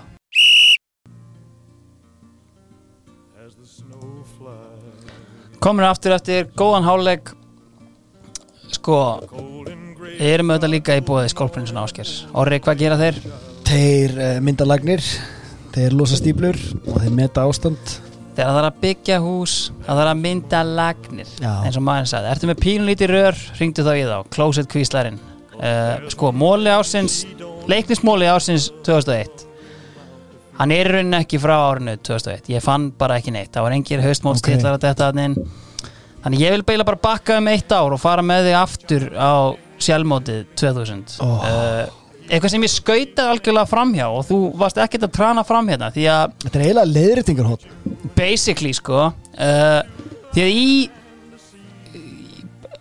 pressuliðinu frekar en landsliðinu frá leikni er Orri Eiríksson. Það er bara hár rétt. Hvort varst í pressuliðinu eða landsliðinu? Ég var í pressuliðinu. Hvernig svona ef þú fer með mér aðeins yfir mekanisman bara á þú veist byrjum bara á sko þarna þú veist, við ræðum bara þú veist, þessa stemmingu sem er að vera valin í þetta lið eitthvað Já. sem að allir þrá. Já já, Og, þetta var mikill draumur ég náttúrulega var mjög upp með mér. Já, uh, svo það sé sagt þá hérna naut ég góðs af því að minn besti vinur uh, Ólafur Hanna Kristjánsson já, hann ákvað þetta mót við erum á eldra ári að spila í marki. Mm, hann er hérna framherri sem á hérna, fullta leikjum og mörgum fyrir leikni. Hann spilaði mark þetta eina ár var geggjaður í marki sko. Og hann hefur verið held ég gott ef hann hefur ekki verið á skýslu hjá leikni ekki efstu deild, í næst efstu deild sem, Sem sem markmaður. varamarkmaður allavega þannig að það er planið. Þú veist, það er engin annar markmaður í hóp Já. og hann, hann, það er planið að hann muni taka þetta. Þannig að hann bara- er í FM GK slash SC Já, í raun og veru. Og hérna, ég held hann hafi meira að segja þess að hann er náttúrulega ekki spilað hérna, leik sem markmaður en hann hefur spilað ég, í flestum öðrum stöðum á vellinum. En hann sem sagt hann var betri en ég og er betri en ég í fótbolta þú veist hann hefði undir öllum, öllum kringumstæðum verið þarna og sennilega bara sem markmaður en ég held að það hafi verið bara búið að fylla þær stöður. Þannig að hérna ég, ég var fýll leikmaður sko og, hérna, og spilaði sem varnamaður í þessum gamla sjömannabolta og hérna Mhm.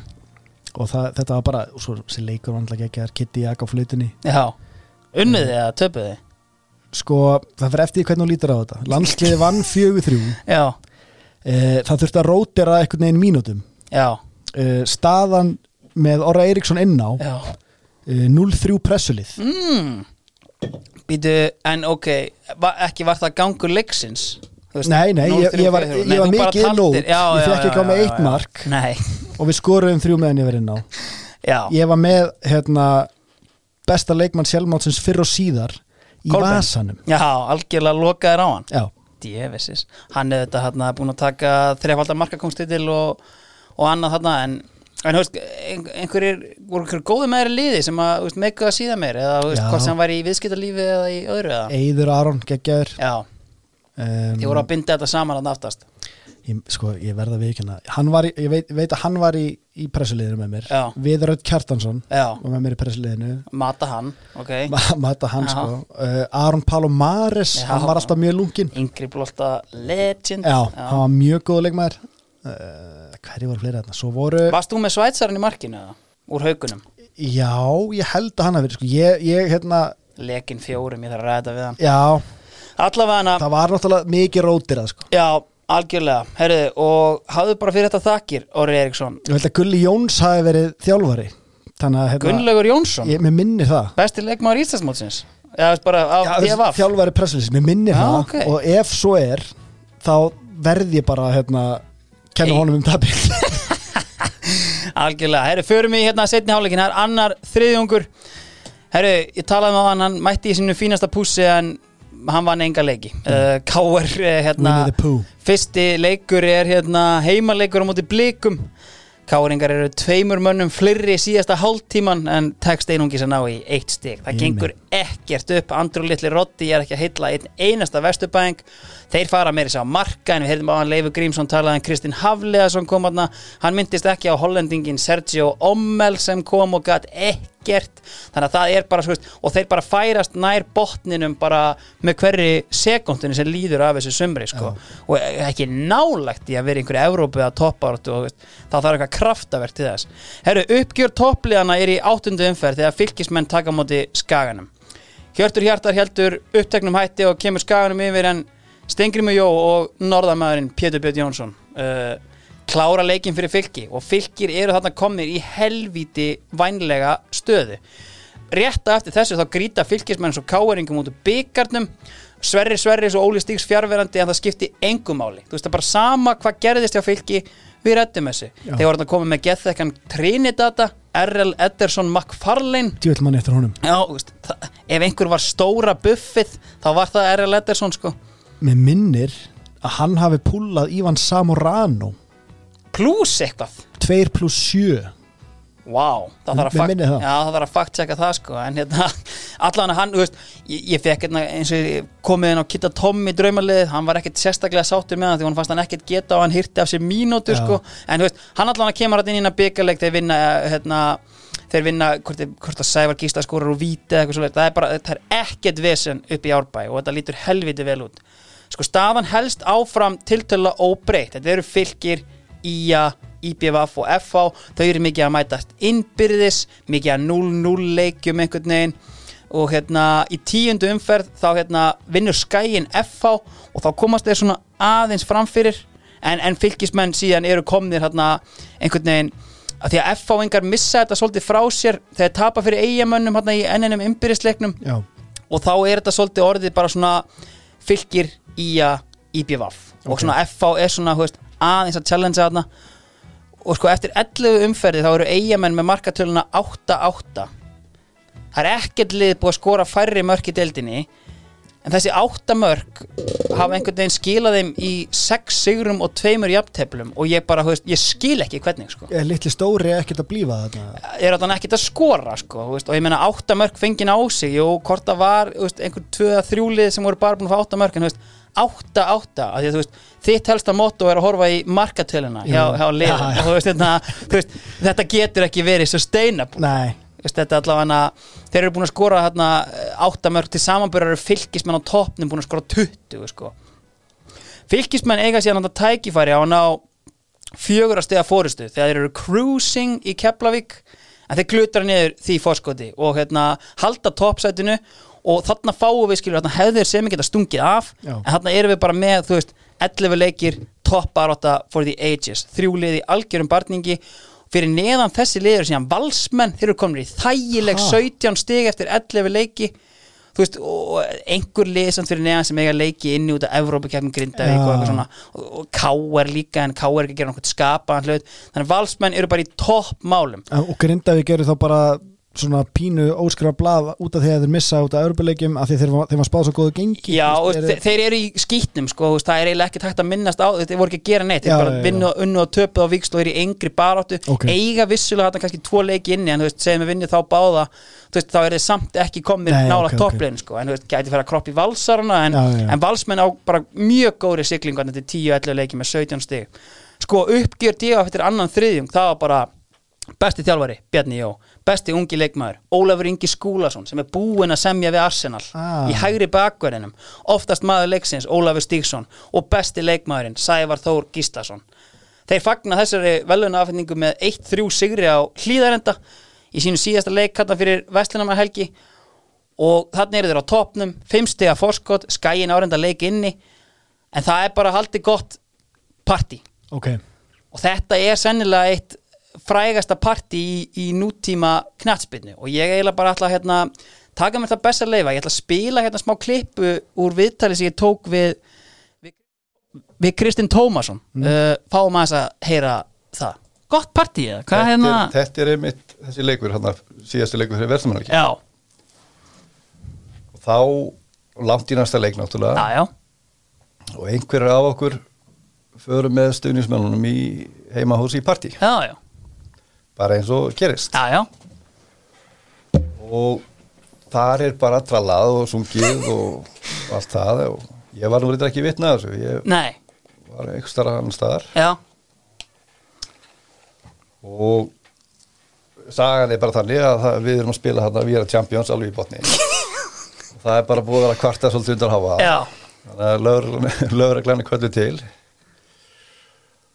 Og Þormóður Egirsson í K.R. og hann þráði lögguna sem tíma Já, já. og hann fær þetta útkall og bankar upp á og það er vist að við erum champions bara alveg á fullu þegar hann kemur en var þetta ekkert svona Þú, þú varst ekki í partí, eða varst farin út á þessum tíma bara inn í eldúsið eitthvað Já, sko. en þú varst ekkert vitna að svipnum á Þormóði þegar hann mætti hann inn? Nei, og ég hefði mikið viljað sjá svipin á hann þó þetta kannski verið lítið vel út fyrir okkur Nei, pældi í því bara veist, að vera Þormóður Egilson hversu litla þólimaður hefur verið fyrir því að fylgir er að spila We Are The Champions?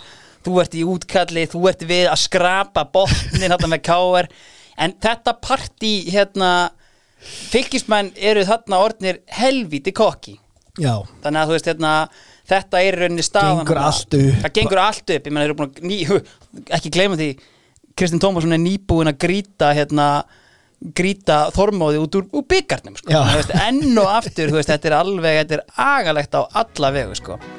herðu uh, það sem gerist síðan ef við förum aðeins í botnin uh, framarar vinna í BVF aðeins denta þarna vonir þeirra. Já, Ási Arnars er hérna komin á okkar glórulöst flug og hann hendir í þrennu og á sama tíma vinna F á engar káer og hérna er bara staðan þannig eftir 12 umferðir káeringar eru í fallsæti tveimur stigum á eftir fram.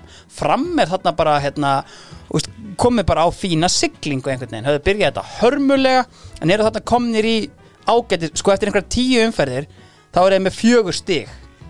Þannig vinna þarna IPVaf og hérna en blikarnir uh, players kynnslóðin sleikir botnin með sjöstig þeir eru algjörlega fjara þarna út hjá þeim Kristján Óli komin á bekkin og, og við erum í allskins vesenni uh, rétt fyrir lokin á öðrum þriðjungi uh, Káringar rífa ekki ekki uh, Musata Njóko, honum er hent upp í flugvél. Bara takk fyrir okkur. Sjáumst aldrei aftur.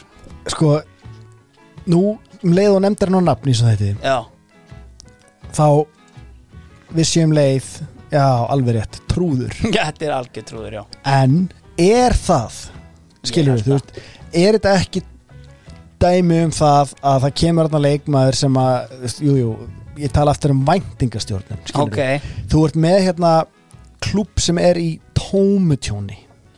Já, já. Og missa fullt af leikmunum fá ekki það sem við vilja fá eitthvað gaur bara til þess að redda málum og hann reddar ekki málum og þar á leiðin þegar hann trúður skilur við, þetta er svona ég, ég sá, hann ekki, sá hann ekki spila fótbolta ég hef ekkert fyrir mér í þessu ég er bara svona, þetta er svo easy way out fyrir eitthvað klúb sem er, þú veist, eru Íslandsmeistarar og heyrðu, hérna, látum sögu þessa tímabils fram veginn vera að þetta er tímabilið þar sem við fengum trúðin sem gat ekkert.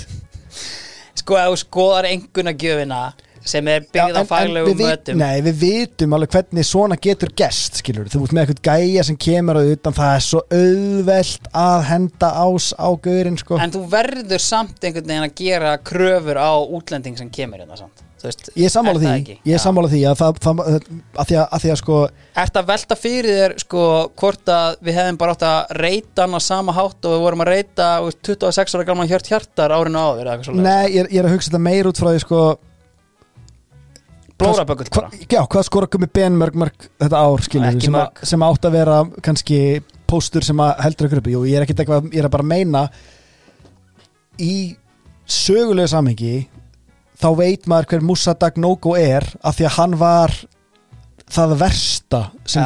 K.R. bauð upp á þetta ár, skilur mig Já, já. en nú erum við búin að fara í gegnum sko, það er eitthvað fokk í hérna, peningamálunum, það er Já. eitthvað fokk í tengslum þjálfarans við klefan Mhm. það er underperformance frá líkilmönnum en nei, Musa Dagnóko Hann er vandamálið. hann er vandamáli, sendum hann heim. Maður er Algjörlega bara svona vangaveltur. Algjörlega, góðar, góður steinar hérna komin á hann framir, hann búin að vinna þrjá leiki í röð og í fanta formi er Þorbjörn Atli Sveinsson uh, algjörlega Já. búin að rífa sig upp fyrirlið framara og hann er toppstandið þarna, búin að skora helling og, og, og raðinn stáðsendingum og, og fylgismenn er á toppnum eins og ég komin á hann, þetta er nýjamt. Uh, eigamenn, trátt fyrir tapið þeir eru hann in the mix. Og skagamenn eru með held ég einhvern eitt leik til góða eitthvað. Er þetta low scoring mode? Já, mjög, þetta er bara held ég mest low scoring, veist, þetta var ennþá verra heldur en árin áður. Þá er ég meina bara stigalega séð sko. Þú veist, Já. er, þetta- er þetta dreifast mikið? Af því að ég er að hugsa þetta út frá því að þegar þú ert með eitthvað lið sem er með svona markatölu sem IBVF mm maður er að hugsa þetta út frá tímabilin í ár 2021 Já. ef þetta hefði verið mjög low scoring mót þá hefði það henda liðin svo káa sem að spilar þú veist þannig að þeir fá á sig fá mörkin skora fá þú veist eitthvað svoleiðist stótt sko Eru samtalið með respektabúl, skilur liðin sem að, veist, eru efst, veist, eru með, veist, enda með 36 stig, skilur þannig að, þú veist, ég held að sé alveg já já þetta er svona frekar Meðal- average, já, já, skilur ok. þannig að, þú veist, ekki tannig, en, en mjög lítið skora, þú veist, það er ekkert lið á tímabilinu sem verið yfir 30 mörg til dæmis en það var líka árið áður Já, ekki? og þetta var ennþá verra þetta ár, sko Það er bara, punktur í spólan er bara að fara illa með okkur Það er klárt mál. Herðu, förum þá bara í það sem er skiptið máli, klæmaksið og byggarinn. Uh, fylgismenn, þeir byrja klæmaksið ekki vel, því að þeim tekst á einhvern ótrúlegan hátt að tapa fyrir blikum og í næsta leik tapaði fyrir frömmurum. Nei, reyna... beint eftir partí. Já, beint eftir partí, þú veist, er bara ennþá skammast sín. Veist, mér er sama þó að Kristinn Tómasson hafi verið í eldhúsinu, hann, hann veit hvað gerðist, sko. Hann flúðin í eldist þegar hann sá hvað í hvað stendi. En þegar hann er búin að tapa fyrir tveimur bara liðinum í botbaráttunni framar að vinna þetta sem fjóruða leik í röð. Uh, fylgismenn reyna að sækja hann einhverja reynslu í Alexander Högna sinni þú veist, sem hafi notabenni farið frá skaganum veist, enn eitt skarði sem að skagin skildi eftir sig eða sem var skilið eftir upp á skaga. Í, byrju, í sumaglugganum í sumaglökanum sækja er hann að því að Ok. okay. Hrafnkell hérna, sem er núna Helgi, hérna formaður hérna kastmyndi hann var að fara í skóla út í bandaríkjunum. Þannig að það vantaði Já. fleiri Bjarni Jói þetta bara. Sækja bara King alla Högna. Já, já. En það dugði ekki til. Sko framarar eru ekkert hættir heldur. Þeir pakka fylgis þeir pökkuðu fylgis saman. 3-0 Káringa tapa síðan fyrir Keflavík og þannig er einhverju fimm leikir eftir. Keflavík eru svona semi að klára sitt mót. Þú veist, þeir eru ólíklega að fara að falla úr þessu. Uh, Valsmenn eiga inni nei, Káar eiga inni leik á móti Val. Talaðum það áðan sko 17 stið eftir 10 leiki. Þeir eru ennþá með 17 stig. Eftir, eftir, 16 já, þú veist, bara, þú veist, þeir vinna bara ekki leik sko. Þú veist, þannig að þú veist, þeir eru komnir í algjörlega frjálst fall eftir að hafa verið þarna í surprise, surprise baráttu um Evrópusæti. Skjótt skipast veður og allir sá pakki. Þeir eru samt með 60 buffer á Káar Káar var alveg spila síðan hann leik.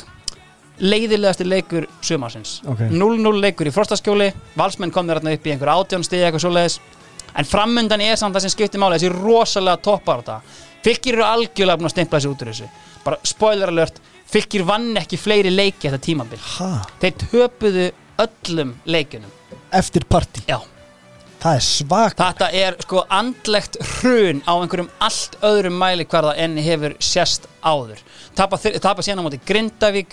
Og þú veist, meiri segja að þú bara skoðar þetta þau eru lang auðveldasta prógramið. Þeir fá þetta blika, framara Grindavík sem er bara að gera eitthvað það sem að, þú veist, þeir lendur endur í að Sævar Gísla missir hérna af einhverjum tveim, þreim leikjum og allir högna kannski ekki alveg í því Ég standi sem að Bjarni Jó bjóstuði Gæinn sem setti á We Are The Champions var að skoða leikjaplanu þegar hann ákvaða að gera það. 100% sko, og það var alveg stemmingin. Allavega skagamenn, þeir stoppa þessa framhraðlest sem er í gangi í 15. umferð. Gretar Rapp Steinsson, Dominos leikmaðurinn fekk sér eina spæsi Cajun daginn eftir, sett hann á pönnuna Já. og setti síðan winnerinn á 90. mínúti og staðan eftir þannig að skagamenn eru með þryggjast eða fórust á IPVAF IPVAF, þú veist áttamörk og allt það, þeir fóru ekkert að skora meira en sko eftir 15 leikjar er búin að halda 11 sinnum hreinu Heimaklettur. Það er bara algjörlega og Birki Kristinn beint fyrir aftan sko. Ah. þannig að alvöru stemming unnu Keflavík, ungur og efnilega leikmaður Atli Jóhansson leggur upp bæði mörkin. Það er einhvern veginn allt þarna.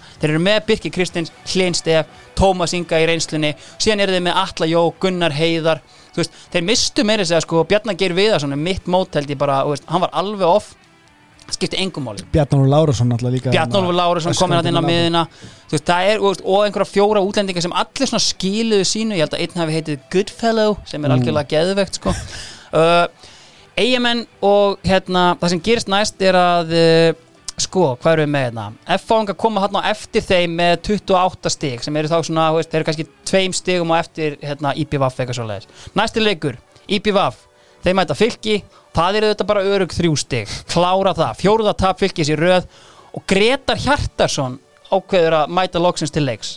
Hann var búin að vera svona la la grindaði eitthvað bara ekki að gera neitt. Já. hann bombar skagamenn nýra á jörðina. Þrenna, 3-0 sigur Uss. grindavíkur og eigamenn og skagamenn eru því jafnir að stigum. F-fáingar svona hálfparti missa þetta frá sem er jafntefli við K.R. ef ég mann það rétt.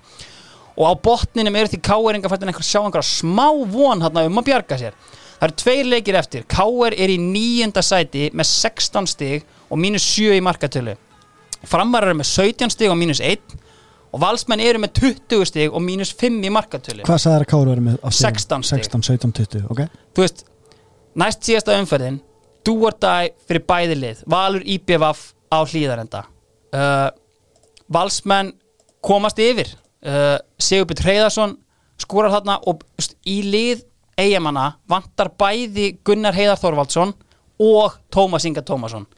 Liðið var ekki búið að vera á skotskónum. Nei. hvað þá þegar það vantar litla og stóra? Þú veist, hvað ætla er að gera?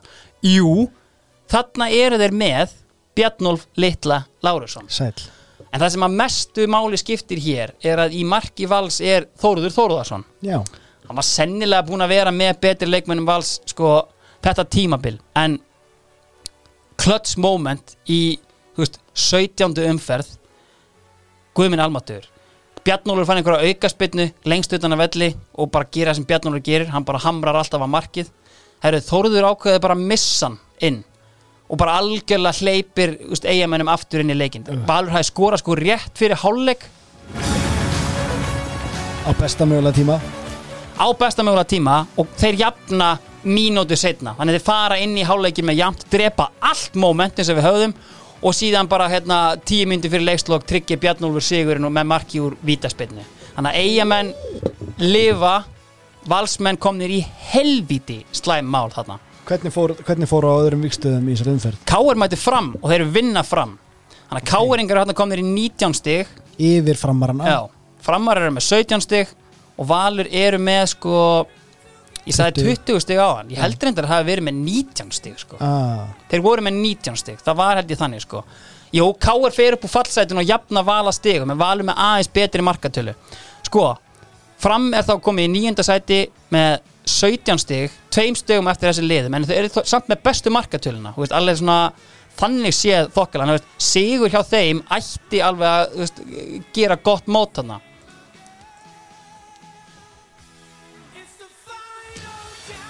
Þessi leikur er náttúrulega mjög sérstakur fyrir þær sakir að K.R. fram að þetta er spilað í einhver, einhver glóru lausar aðstæður það er sko, veist, þú getur séð myndefni frá þessu þetta er bara eins og að spila í sundlaug það er svo mikil rigning og það er svo mikið af pollum að, þú veist, að, með réttu hefði átt að flauta leikin af Ok. það sem að gerist er sko að Andri Fannar Ottosson kemur fram yfir og þarna eru K.R. nánast fallnir veist, þeir eru hérna 1-0 yfir til 28 mínútur 1-0 í hálfleik þá á einhvern glóruleysan hátt poppar upp maður sem ég nefndi hérna í síðasta þætti eða þar síðasta Arnar Jón Sigurgeirsson Já.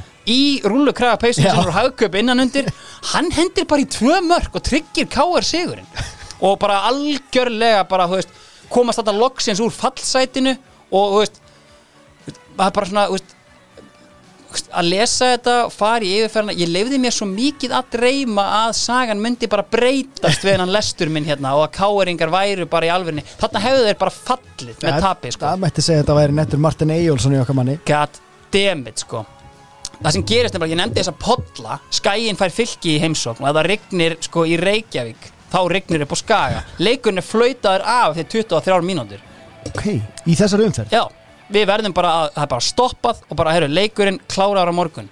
Ég held þetta sko þegar þú flautar leikið svona af og þú þurftir að byrja frá sama tíma og stoppa. Já, það er það er sko 1-0 fyrir hérna, skaganum þegar þetta gerist en mér sýnist þeir bara að byrja nýjan leik. Ha? Já, það skiptir engu máli, það gerist það nákvæmlega sama. Það munaði svona sjö mínútum á tímanum á mörkunum Kárasti Dreynisson skoraði fyrsta marki í báðum leikinum og hérna Hjörtu Hjartar sittir síðan tvö í setni hálfleik og Skæin og IBF eru því jöfn að stigum fyrir loka umferðina loka umferðin Skæin IBF.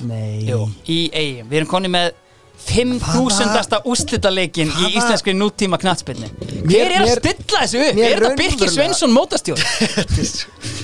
Tjóðlega hann góður að lesa Þegar mér líður í alvörunni eins og við höfum verið að upplifa eitthvað einstakt 2014 Já, alveg klálega sko En er þarna ertu bara með, þú veist Staðan er þannig að Kælum þetta aðeins Förum bara í hérna fallbártuna Leikirni þar. Káar er að mæta Grindavík Og Grindavík er alveg að spila upp á eitthvað. Þeir hafa alveg þannig að fara hann á rönn Tóku skagan hann að Gretar er komin í gang Og þeir eiga smá sjans á Európusæti Conveniently fyrir Káar eru bæði Kekits og Ramsey í leikbanni. Mm. Framarar eiga síðan Keflavík sem eru búin að slúta sínu móti. Valsmenn eiga þægilega blika sem eru löngu fallnir. Þannig að þú veist þetta er svolítið svona framar að þurfa að treysta á að annarkvort káar eða hérna Valur misti í sig. Já, en Valur getur bara, veist með þægilegan leik á móti blikum þetta ætti ekki að vera mikið mál. Sko, Sigurvin Ólafs byrjaði fallvesluna á tíundu mínútu og kom káeringum yfir þannig að staðan í hálfleik. Káering átti samt eftir að leika undan vindi í setni hálfleik sem að hérna, Óskari Ófegi fannst mjög mikilvægt að kemur fram. K.R. Bjarga sem er sigri. K.R. Bjarga sem er sigri sko. uh, já, þá er þeir allan yfir fram sko. þannig að það er allan ekkert mál sko. á öðrum stöðum er 1-1 á lögvöldalsvelli þeir eru komin af Valbjarnavellinum hann uh, fram Keflavík og Valsmenn þeir eru komnir 1-0 lifir Ok, þannig að smooth sailing í kópbóinum Fram á Ármann leiðinni Smári yfir. búin að hérna, koma okkar mönnum yfir.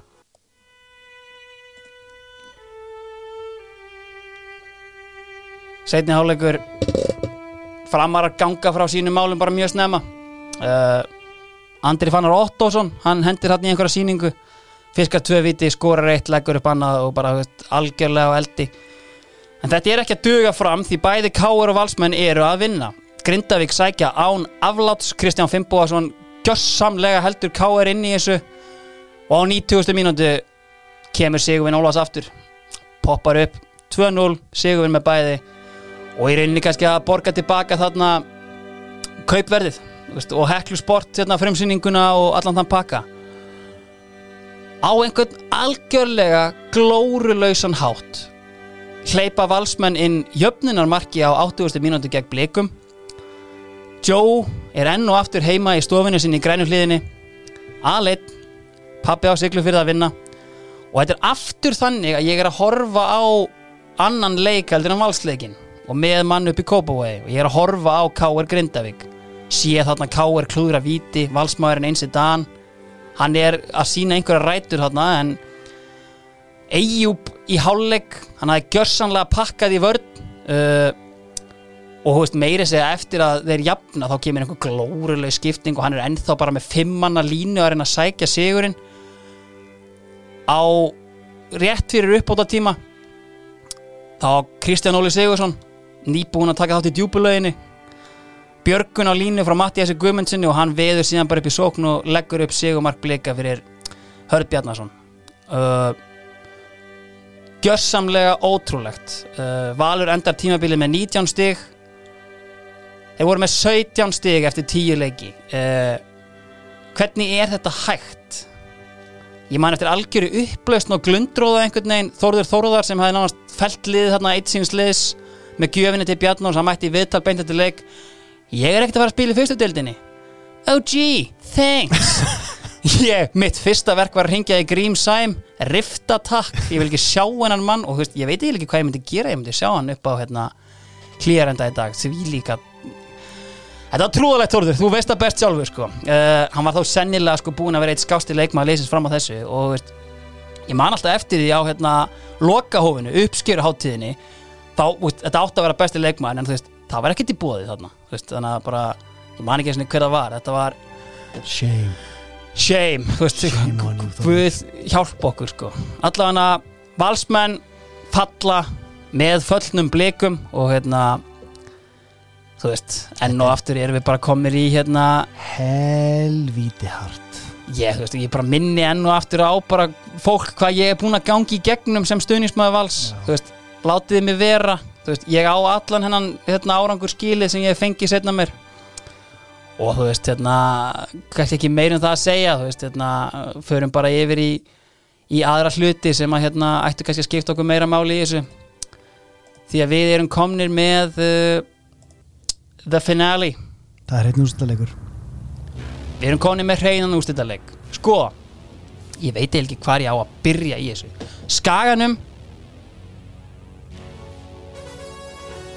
þeim dugar jafntefli þeir eru með markfall betri markatölu. Ok. okay. eigamenn hafa ekkert skorað. Nei. og þannig að veist, hérna, þeir hafa haldið kannski fullt hreinu en þeir hafa ekkert skorað og það er bara ekkert nóg. En á móti er þetta í eigum Þetta er í eigum, það er alveg gefið. Og veist, hellingur af drastli sem að spila þarna inn í. Og málið er, veist, ég hringdi náttúrulega í hérna við heyrðum á hann í Sturlaugi Haraldsinni. Og ég held að okkur sé ekkert að vambúna en að fá hann bara aftur á línuna. Sko, Sturlaugur, en er að fara eins með okkur yfir hann að leik hérna við erum bara út í hérna úslita leikin hérna við IPVF í, í loka umferðinni þú veist, mm. þannig eru komnir í þetta þú veist, liðin eru jöfna stegum og þeim er betri markatölu, hvernig var svona aðdraðandinn hjá ykkur fyrir leikin? Sko ég held að við hefum alveg gert okkur grein fyrir því að við vorum farið í mjög erfitt verkefni hann í Vestmanni. Það var rosalega erfiður útavörlur Mm -hmm.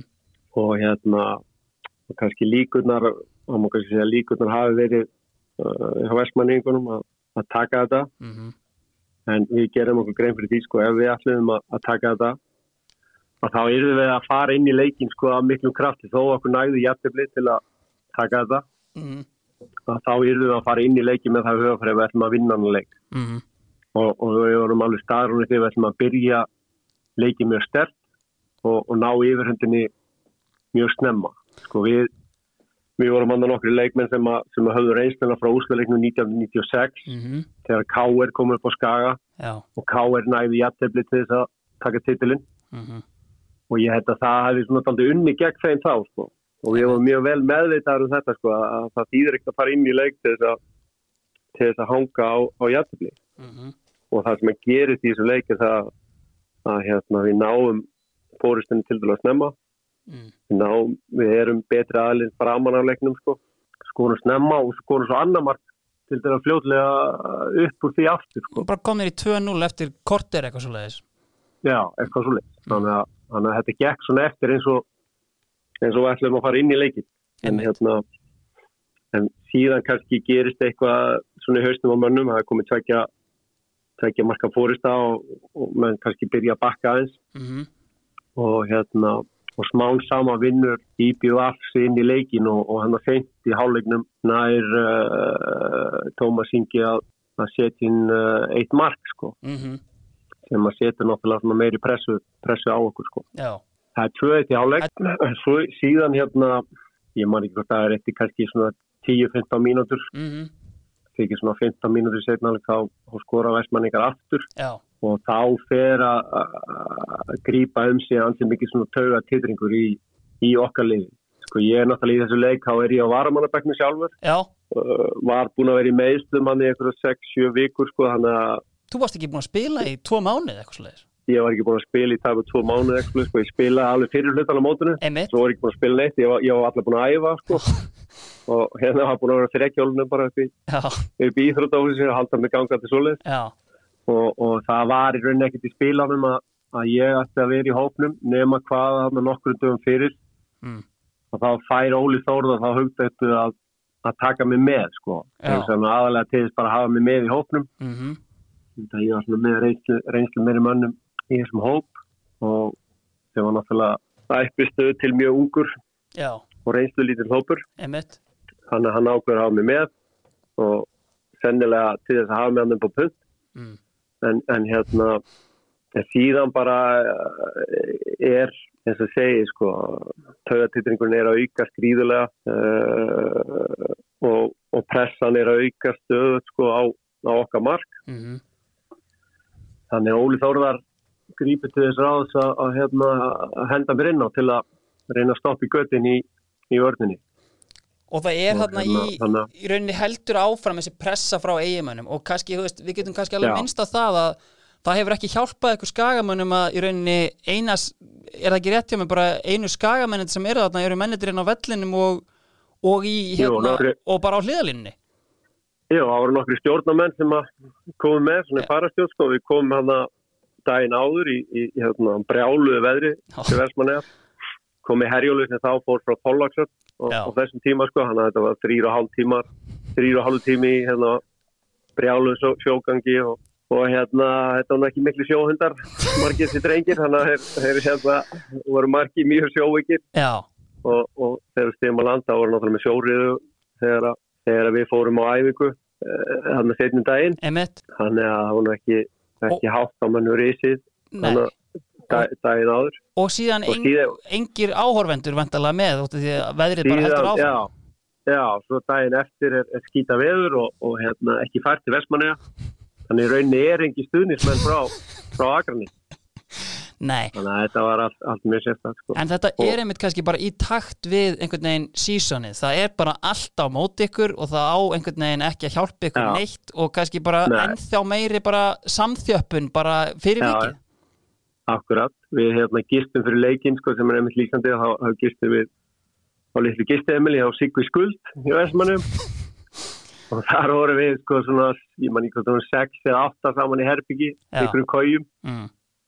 uh, stjórnin svo afreyndar á hótelinu sem að þeir áttu nú alveg skilið sko. Já, já, og hérna og gaman að segja frá því líka að einhverju stjórninu þeir ákvæðan að fara í messu hann um morgunin held að það myndi hérna bæta líkurnar okkur en, en þeir voru freka framlágir sko þeir aðeins að að hérna að fá sér kvöldi áður svona til að leta á tauganum já, já, og hérna þeir voru freka framlægur í þessari, messu sko og voru farin að svona.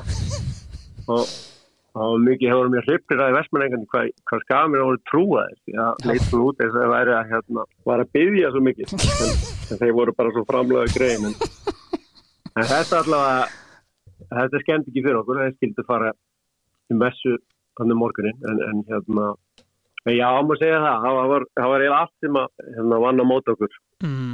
og síðan er það auðvitað þetta kannski síðan er það kannski í uppbóta tíma sem að hlutinir fara að vinna með ykkur og það er þetta atvik sem að eigamenn keppast við að koma í, í, í viðtal við og, og talum er hafa verið rændir titlinum Sára sjálfdan Akkurat. verið hringt í, í Sturlaug Haraldsson og hann beðin um hans teik þú veist, þetta er Akkurat. þetta mómentið þú tekur upp boltan, rúlar honum og Tómas Ingi vil meina að þú takir hérna aukaspinnuna og, og leggir bara upp á hann mark. Hver er, svona, hver er þín tilfinning? Hver er þín tilfinning fyrir þessu? Akkurat. Sko að gerist það að það er aukast þetta hann að við vítatíslínu mjög seint í leiknum. Og hérna pressan er náttúrulega mjög mikil á okkur á þessu tíma. Hann er jákveð svona aðeins að, aðeins að reyna að róa leikið niður, teik boltan upp með höndum og, og fleia hann dálítið svona fram á völlu Já, svona vinna, vinna okkur smá tíma og aðeins að, aðeins að anda djúpt. Og hérna svo lappa ég áfram. En gerir svo það vitlis sko að íta svona slæmi fætinum í boltan aftur til Óla Markmanns þannig að hann taki aukastinnuna á, réttum stað emmett. og hérna það verður náttúrulega upp í fótur og fyrt og Tómas Ingi sér sig að það eitthvað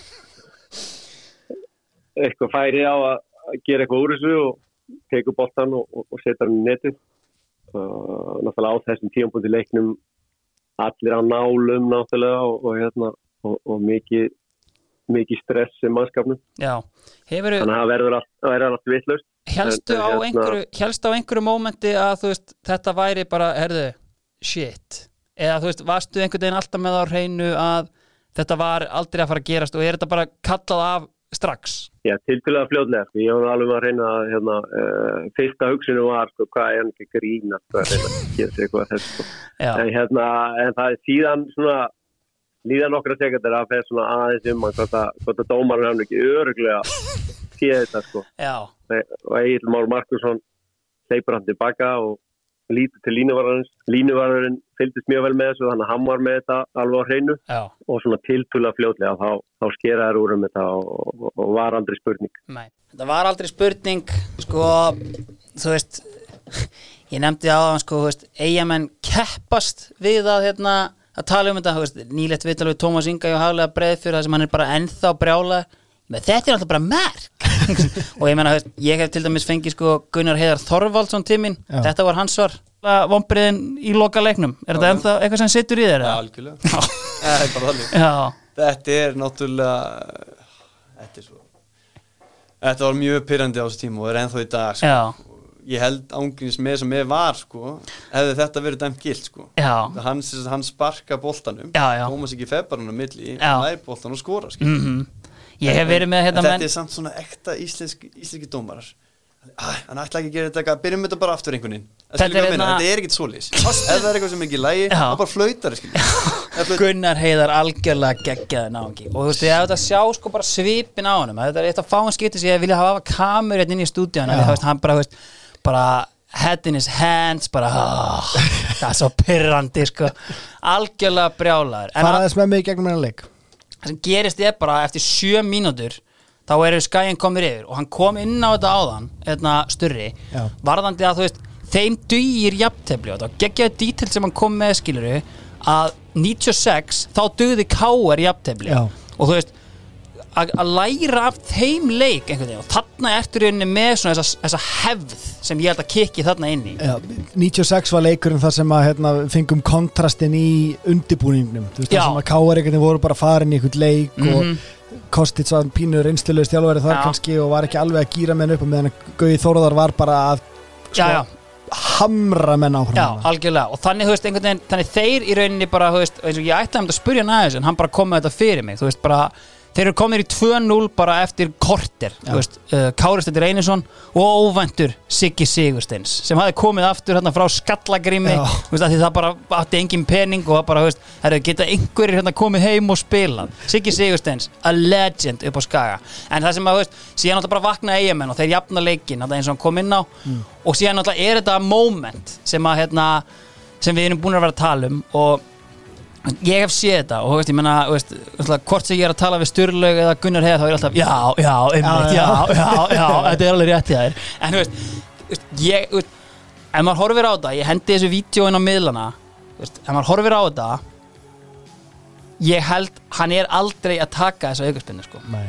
þetta er veist, slæmir fætinum í knöttin er eiginlega fullkomlega orðað og þú veist þannig að þetta er einhvern veginn veist, og hvernig er body language þegar hann er body búin að gera language á það honum er bara, ég er bara hérna að senda tilbaka og hann bara ríkur upp völli hann er ekki að skiluru, senda tilbaka opna líkamann, eitthvað, veist, fá að hann, fá hann hann aftur. aftur sem Nei. væri eðlileg hegðun í þessu að því hann er að senda aftur á markmannin Já. sem í blindandi Já, og hleypur beint upp á miðjuna hann er bara að láta að fá boltan til að push up besta dæmið í þessu er body language að því þú kemur inn á, þú sér það bara að þú veist það er aldrei hans meining að hann sé að taka aukarspillina hvort að það sé skilur einhver faktor sem eigi að pæla í yfir höfuð, veit það ekki. Þetta er, eins og hann benti á þetta er á kolvitlisum stað líka sko. Þannig að þú veist, í, í núna, það eru 20 ár síðan Já. ef að þetta mót hefði verið unnið á technicality ef að, ef að, ef að IBVF hefði fengið þetta mark gilt þá væri þetta meiri skandall heldur en í Hitt. þessa áttina. 100% og ef þetta er eins og segir með hérna, líkamstjáningun og þetta þá verður maður bara að hrósa dómaranum fyrir að lesa það. Er Örn al- Markússon. Það er ekki sjálfgefið. Nei, algjörlega. Og það Gunnar Heiðar, djöfisins meistar Típiskur íslensku dómari. Hann ætla að sé þetta allt erlendis. En þú veist bara, ef það er eitthvað vitast þá bara gera það aftur. Já, já. Herru, skagamenn íslensmeistarar uh, Ég held hreinlega, Orri Fyrsta skipti í nútíma fótbolta sem að titillin vinst á markatölu. Já, Ég held það. Skagamenn 36 stig, 11-3-4 eins og eigamenn eigamenn tóku ekki setn fyrr. Nei, nei, ég held að hvorur hafa nei, vinnist á ok. markatölu sko. Þannig að þetta er allavega hérna En KR vikið 2000 Nei, Nei, nei, bara, bara Já, fína spurningar veist, Allt er góð með þessar spurningar en, en hérna eiga ekki við Nei, nei, nei, Maður sjá 99 Nei, nei, nei, nei. Ég meina, Þetta er óvænt. Þetta er mjög óvænt og veist, meina en eins og ég, hérna, eins og við rættum kannski hérna í upphafi þáttar við hérna Sturlaug, að veist þetta er ekki óvænt að horfa á hópinn í dag. Þú veist, út með Óla Þórðar hérna vissulega á allra síðustu metrunum hann er að spila helmingina mótinu. Þú ert með Ólaf Þór Gunnarsson sem hafi frekar nýveri verið valin efnilegasti markmaði dildarnar, þú ert með þú ert með ungan Gretar Rapp Steinsson sem að, þú veist, Guðminn Almátur hvað hann hefur gert, þú ert með ungan Baldur Aðarstinsson, 8 caps skiluru, og hérna Íslandsmeistari með val og, og þú veist, bara geggjaðu leikmaður. Þú veist, þú ert, það sem er óvænt Hjálmundur Hjálmsson. Ellert Jón Björnsson. Þú ert með hérna þú, það sem er náttúrulega óvænt eru 15 mörkin sem þú færð frá 27 ára gömlu manni sem hefur alltaf spilað í eftir deild sko. Það, það- er náttúrulega sagan kannski og X-faktor Gorgeirin í honum hjælt nú bara áfram sko. Geymum þetta aðeins og förum bara yfir í gýrum okkur aftur upp uh, því að það er byggarinn það á eftir að spila spila en þetta búið að þarna en, en allavega sko semifinal aftur erum við á þeim stað að við erum með besta lið fyrstu deildar í undanástundu byggarsins Ok K.A. hver er að þjálfa þá? Tari Ah. Þorvaldur Örlíksson kominn heim úr einhverju almesta Englands harki sem sögur fara af. Byrjaði vel hann hjá þú veist, Evrópumesturum Nottingham Forest Já. endaði þetta í Oldham í D-dildinni harkari. Og hann er með Dean Martin á kantinum. Hann er með Hrein Rings upp á topp. Þetta er alvöru lið. Hreit Ringsson, einmitt, síðasti leikmaðurinn í Dominos tríóinu, búin að skora þarna 17 mörg í fyrstu deildinni.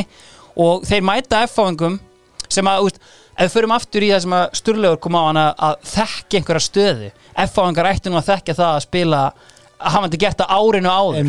Veist, en það bara skipti engumáli 3-0 sigur káamanna Ívar Bjarklind sem er að hæ, búin að hætta fjórum sinnum frá því við byrjuðum með Já. þá hann er komin í káa og hann skorar. Það gerir líka annað svona var sögumæri legend Þorvaldur Makan hann er Já, komin já. í káa og svo klárar hérna Reit Hringsson auðvitað með Akademins mark. Auðveldur 3-0 sigur F.A. hangar úr leik. Þetta voru erfiðir tímar hérna fyrir F.A. þetta undir lokin. Þeir enda kláruðu Európusæti síðan í restina. En allavega nýliðar undanústi byggar á þegar þetta deild þú getur ekki beðið meira en, veist, það leit svo vel út á tímabili. Hinn undanústa leikurinn fylgir og ía. Rifið maður þessu upp. Fylgir tapaði síðustu sex leikinum í deildinni, Já. eða sjö og eru að mæta ískaldur upp á skaga. Og þeir eru nýbúin að spila leik þar sem ía rúllaði yfir þá. Og hérna það sem að hérna uh, hvort það var 3-0 eða eitthvað svo leiðis og þetta er alltaf í fyrsta skipti það sem að gerist er að fylgismenn vinna þetta. Þeir eru að vinna þessum fyrsta leiki tvo mánuði og eru komnir í byggaráslitin fyrsta skipti sem félagi fyrir byggaráslit Kokki Hjörtur hann heldur áfram að tala eins og Alan Shearer. Og I quote tvö helviti skítamörk sem við fáum á okkur eftir að hafa yfirspilað á. Erum við miklu betra lið og ég tel að við hefum sínt það í dag. Þetta er eins ósangjant og það getur orðið því við völduðum yfir þá en við getum auðvitað sjálfum okkur um kent Alan Shearer er mættur. Uh, hann hefði náttúrulega viljað helst fá að endur skoða þessi úslit frá mínum mönnum í R3 Ráki og Bókald. Sem sjáu þetta um allt Bókald fyrir alla knæspindumenn ég held að hann ef hann gæti fengið að endur skoða einhver ummæli í dag veist þetta er sérstakt eftir einhvern veginn að þetta út í úst, 2-0 tap sko tvö held skítamörk. Völduðum yfir þá. Allavega hana, káa fylgir byggjárstættuleikur fylgir auðvitað ískaldir en einhvern veginn, þú veist talin auðveldur leikur. Alls ekki. Fyrsta markleiksin skorar Dominos tríóið. Það var Spicy Cajun daginn eftir á pönnuna. Takk. Hreit Ringsson kemur sendingin í bóksið Kjartan Sturlon í Sturlon Kjartan Sturlu í bölvuðu brasi og Hreit Ringsson honum er alveg saman þá Ólafur Ingi Skúlason sem farið til Arsenal. Hann tekur hann í loftinu hann pakkar hann saman og hann sendir hann bara til London þetta með fyrstu flugvél 1-0 Er þetta tímabilið Það sem að þeir fóru í eitthvað númera flip herru, heldur betur. Ah, Ok. Kjartan Sturluson er í treyju nummer 10 hann er í tíinni Ég- og Kristinn Tómasson í ástnum upp á topp. Ég, ég verð að taka stöðu gegn þessu.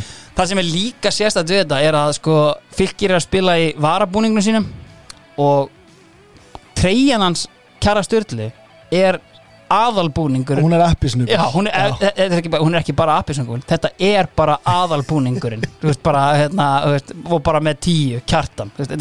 Glórulaust, ég hef sendt mönnum í árbænum pillur Já. út af þessu sko. En allavega, það er 1-0 í hálfleik. Mjög stuttu eftir Bjarni Jó, veist, hann sagði ekkert í hálfleik. Hann bara svona kvíslaði aðeins Sverrir, ég þarf mark. Sverrir Sverris jafna leikin með einhverju þú veist, það er talað um að boltinn svona sógist að ákveðinu leikmönnum. Já. Þetta mark, veist, þetta, er- þetta er skallamark. Ég skil eiginlega ekki hvernig hann sko, veist, það kemur algjör fallífa bolti inn á tegin og veist, það eru tveir menn sem, sem halda honum niðri en hann svona fleitir honum samt með byluðum krafti. 1-1 sko það sem gerist svo uh, Kjartan Sturlu er ekki hættur í þvælunni því hann neglir niður Reyn Hringssonin í tegnum og gefur vítaspinnu þú veist á borderline rautt spjald þetta er það léleg tækning sko. en þú veist allavega Reit Rings með bilað viti en Óli Stíks jafna metin. Einn, sennilega sko þú veist overall besti leikmaður fylgis á sísoninu Ólafur Hvar, Stíksson hvar eru við á klukkunni? 70 Ok, gerist ekkert meira. 90 mínútur go.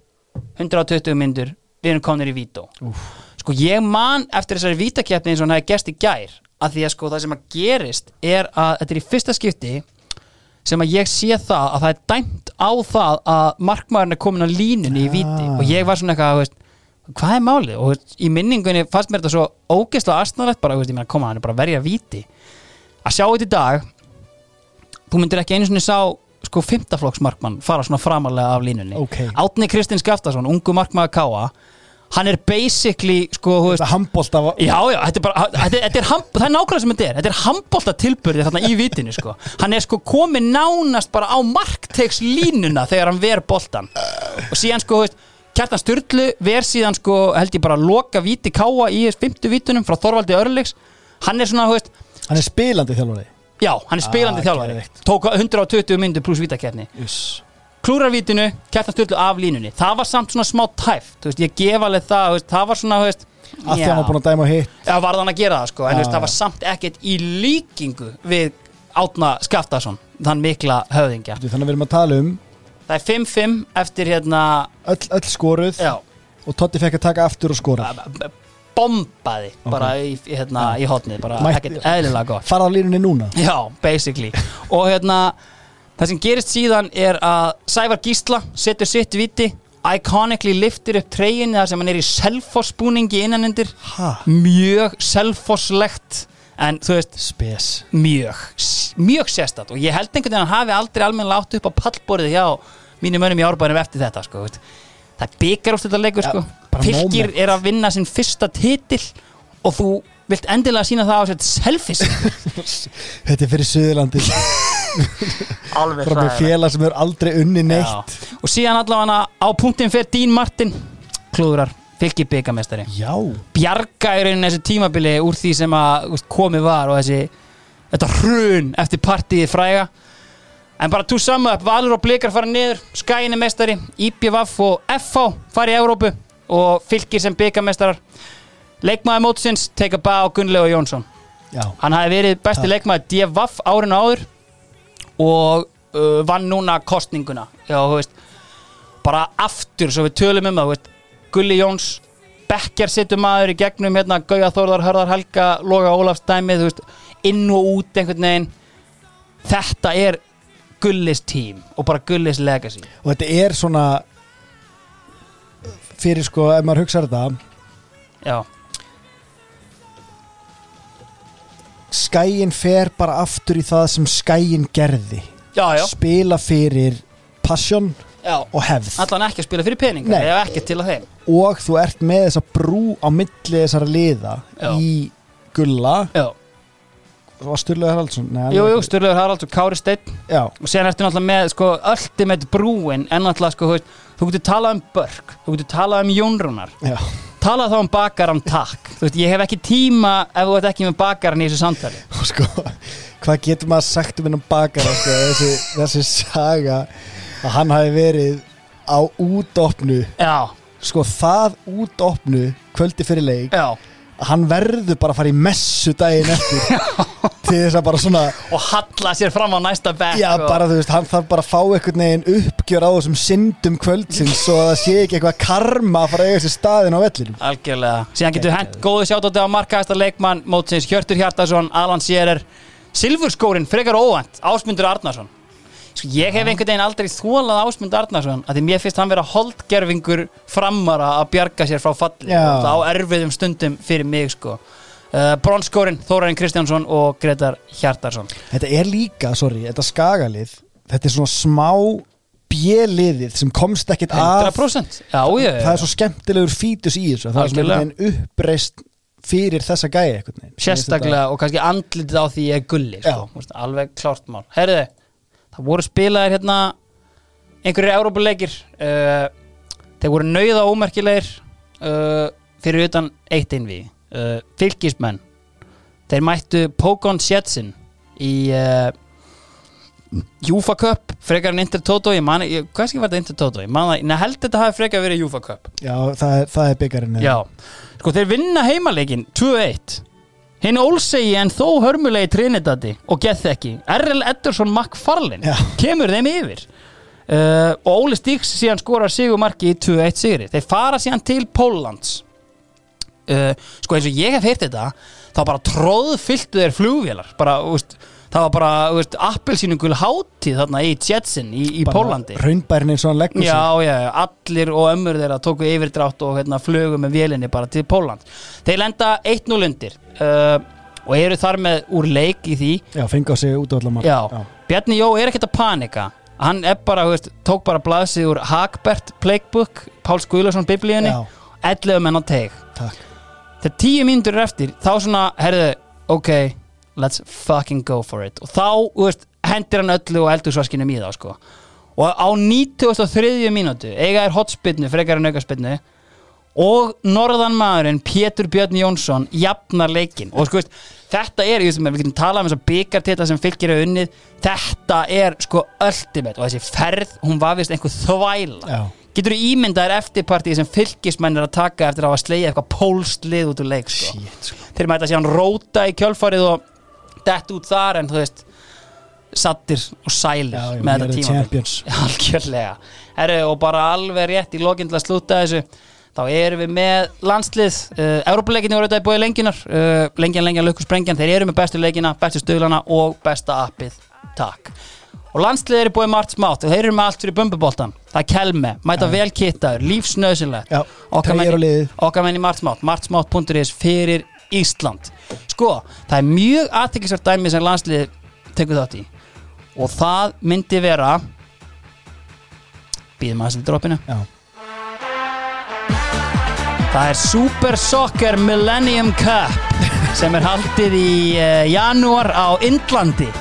Með okkur riðli eru Uruguay, Indland og Indonesia og þarna tókum við svona Sterkur riðill. já, við tókum sko Group of Misfits. Þetta var leikmenn úr hérna veist, efstu del, veist, Kjartan Antonsson og hvort að Júrdallurinn var og Fjalar Þorgers og Gulli Jóns þetta er og bara svona færið að smal. Já, basically, og einhverju leikmenn frá Norrland Teki var þarna sko, Já, Teki ok. hendi hann í þrennu á móti Indonésiu það sem við köllum Albert Guðmundsson leiðin en hérna, og þú veist þetta var vist einhver algjör síra. Þeir fara þarna uh, og mótið er alltaf að taka stöðugum breytingum uh, The Super Soccer Cup. Hvenar árs er þetta? janúar, Já, bara já, já. beint eftir hérna, áramót, bara veistu, fara út bara annan janúar eitthvað. Og þeir eru þarna í þrjár vikur. Að því alltaf eitthvað bröðust, Bahrein er að taka þátt. Nei, hörru, Bahrein er ekki að taka þátt. Hörru, Indonesia eru reknir úr keppninni. Þeir miskildu fyrirkomulagi þeir heldur þeir ætti að velja úrvalslið úr úrvalstildinni sinni, þannig að þeir eru bara með eitthvað allt annað en Indonesia að spila. Þannig að veist, þetta var, og út af þeim technicality og við unnum Indland. Sorry, tek tek ég sér til því upp. Þá förum við áfram úr þessum riðli. Og þú veist, menn eru bara, þú veist please, take Hleypið me home sko. Sigur minn sagði mér sko, að, veist, það hefði einhverju blaðum frá mokkanum farið með og þegar þeir voru búin að tala við sko, allt liðið þrisvar þá voru þeir bara þarna farnir á barinn sko, algjör þvæla.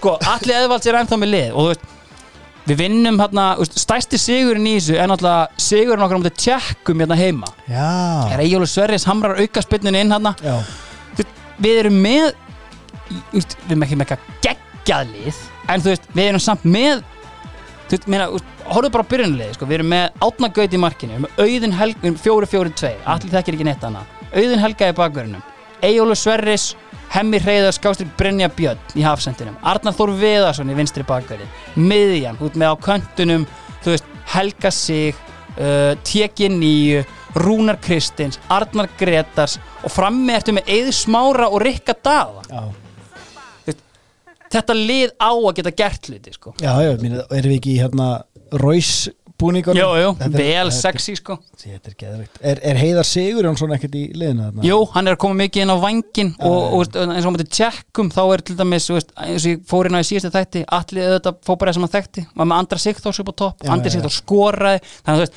það er, þú veist, hérna eru við helviti jákvæður, okkur er þetta kift síðan snögglega niður á jörðina eftir 0-3 tap á móti Norður Írum, hvort að David Healy hendi ekki létta veistri hérna. Og þá fer svona örla á síðan svona mjög fljótlega eftir það þá þóra blaðamenn allt í hennu hvað er þeir voru vist á einhverju fyllir í hérna, landslismennir eitthvað? Það veist, þá hérna, og veist við erum þetta 20 árum setna og þú veist, já ég segi svona. Já, já, það er Þú veist, en alltaf, þú veist, vettlingatökin. það er greinilega þú veist, hérna, þú veist, og allar þessar sögur hérna, menn, veist, menn komum bara, við erum bara að hitta félagana veist, við getum ekki neitt hvað sem er en þú veist, efniviðurinn, standardin var þarna Standardin var ekki þarna, fyrir geði Efni viðurinn var þarna Já. og hafa vantaði umgjörðina. 100% ræðin kannski betur landslið í næsta þætti. Þá fara að gerast uh, ennþá aðteklisverðari hlutir.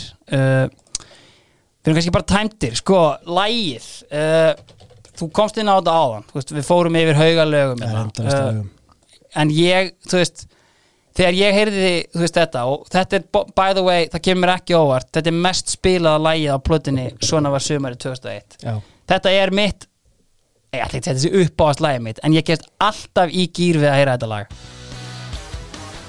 Þetta er stórkostlegt. Þvílíkt, þvílíkt leið til þess að kynna þið inn. Þú ert Jóni Jósef Þetta er hljómsveitin mín. Við erum í svörtum fötum. Svífum hérna um á lóri alvængjum ég ætla sem bara tændir eða ekki árið, Bara klálega, sjáumst í næstu viku. Gera það. Og þér virtist líka það.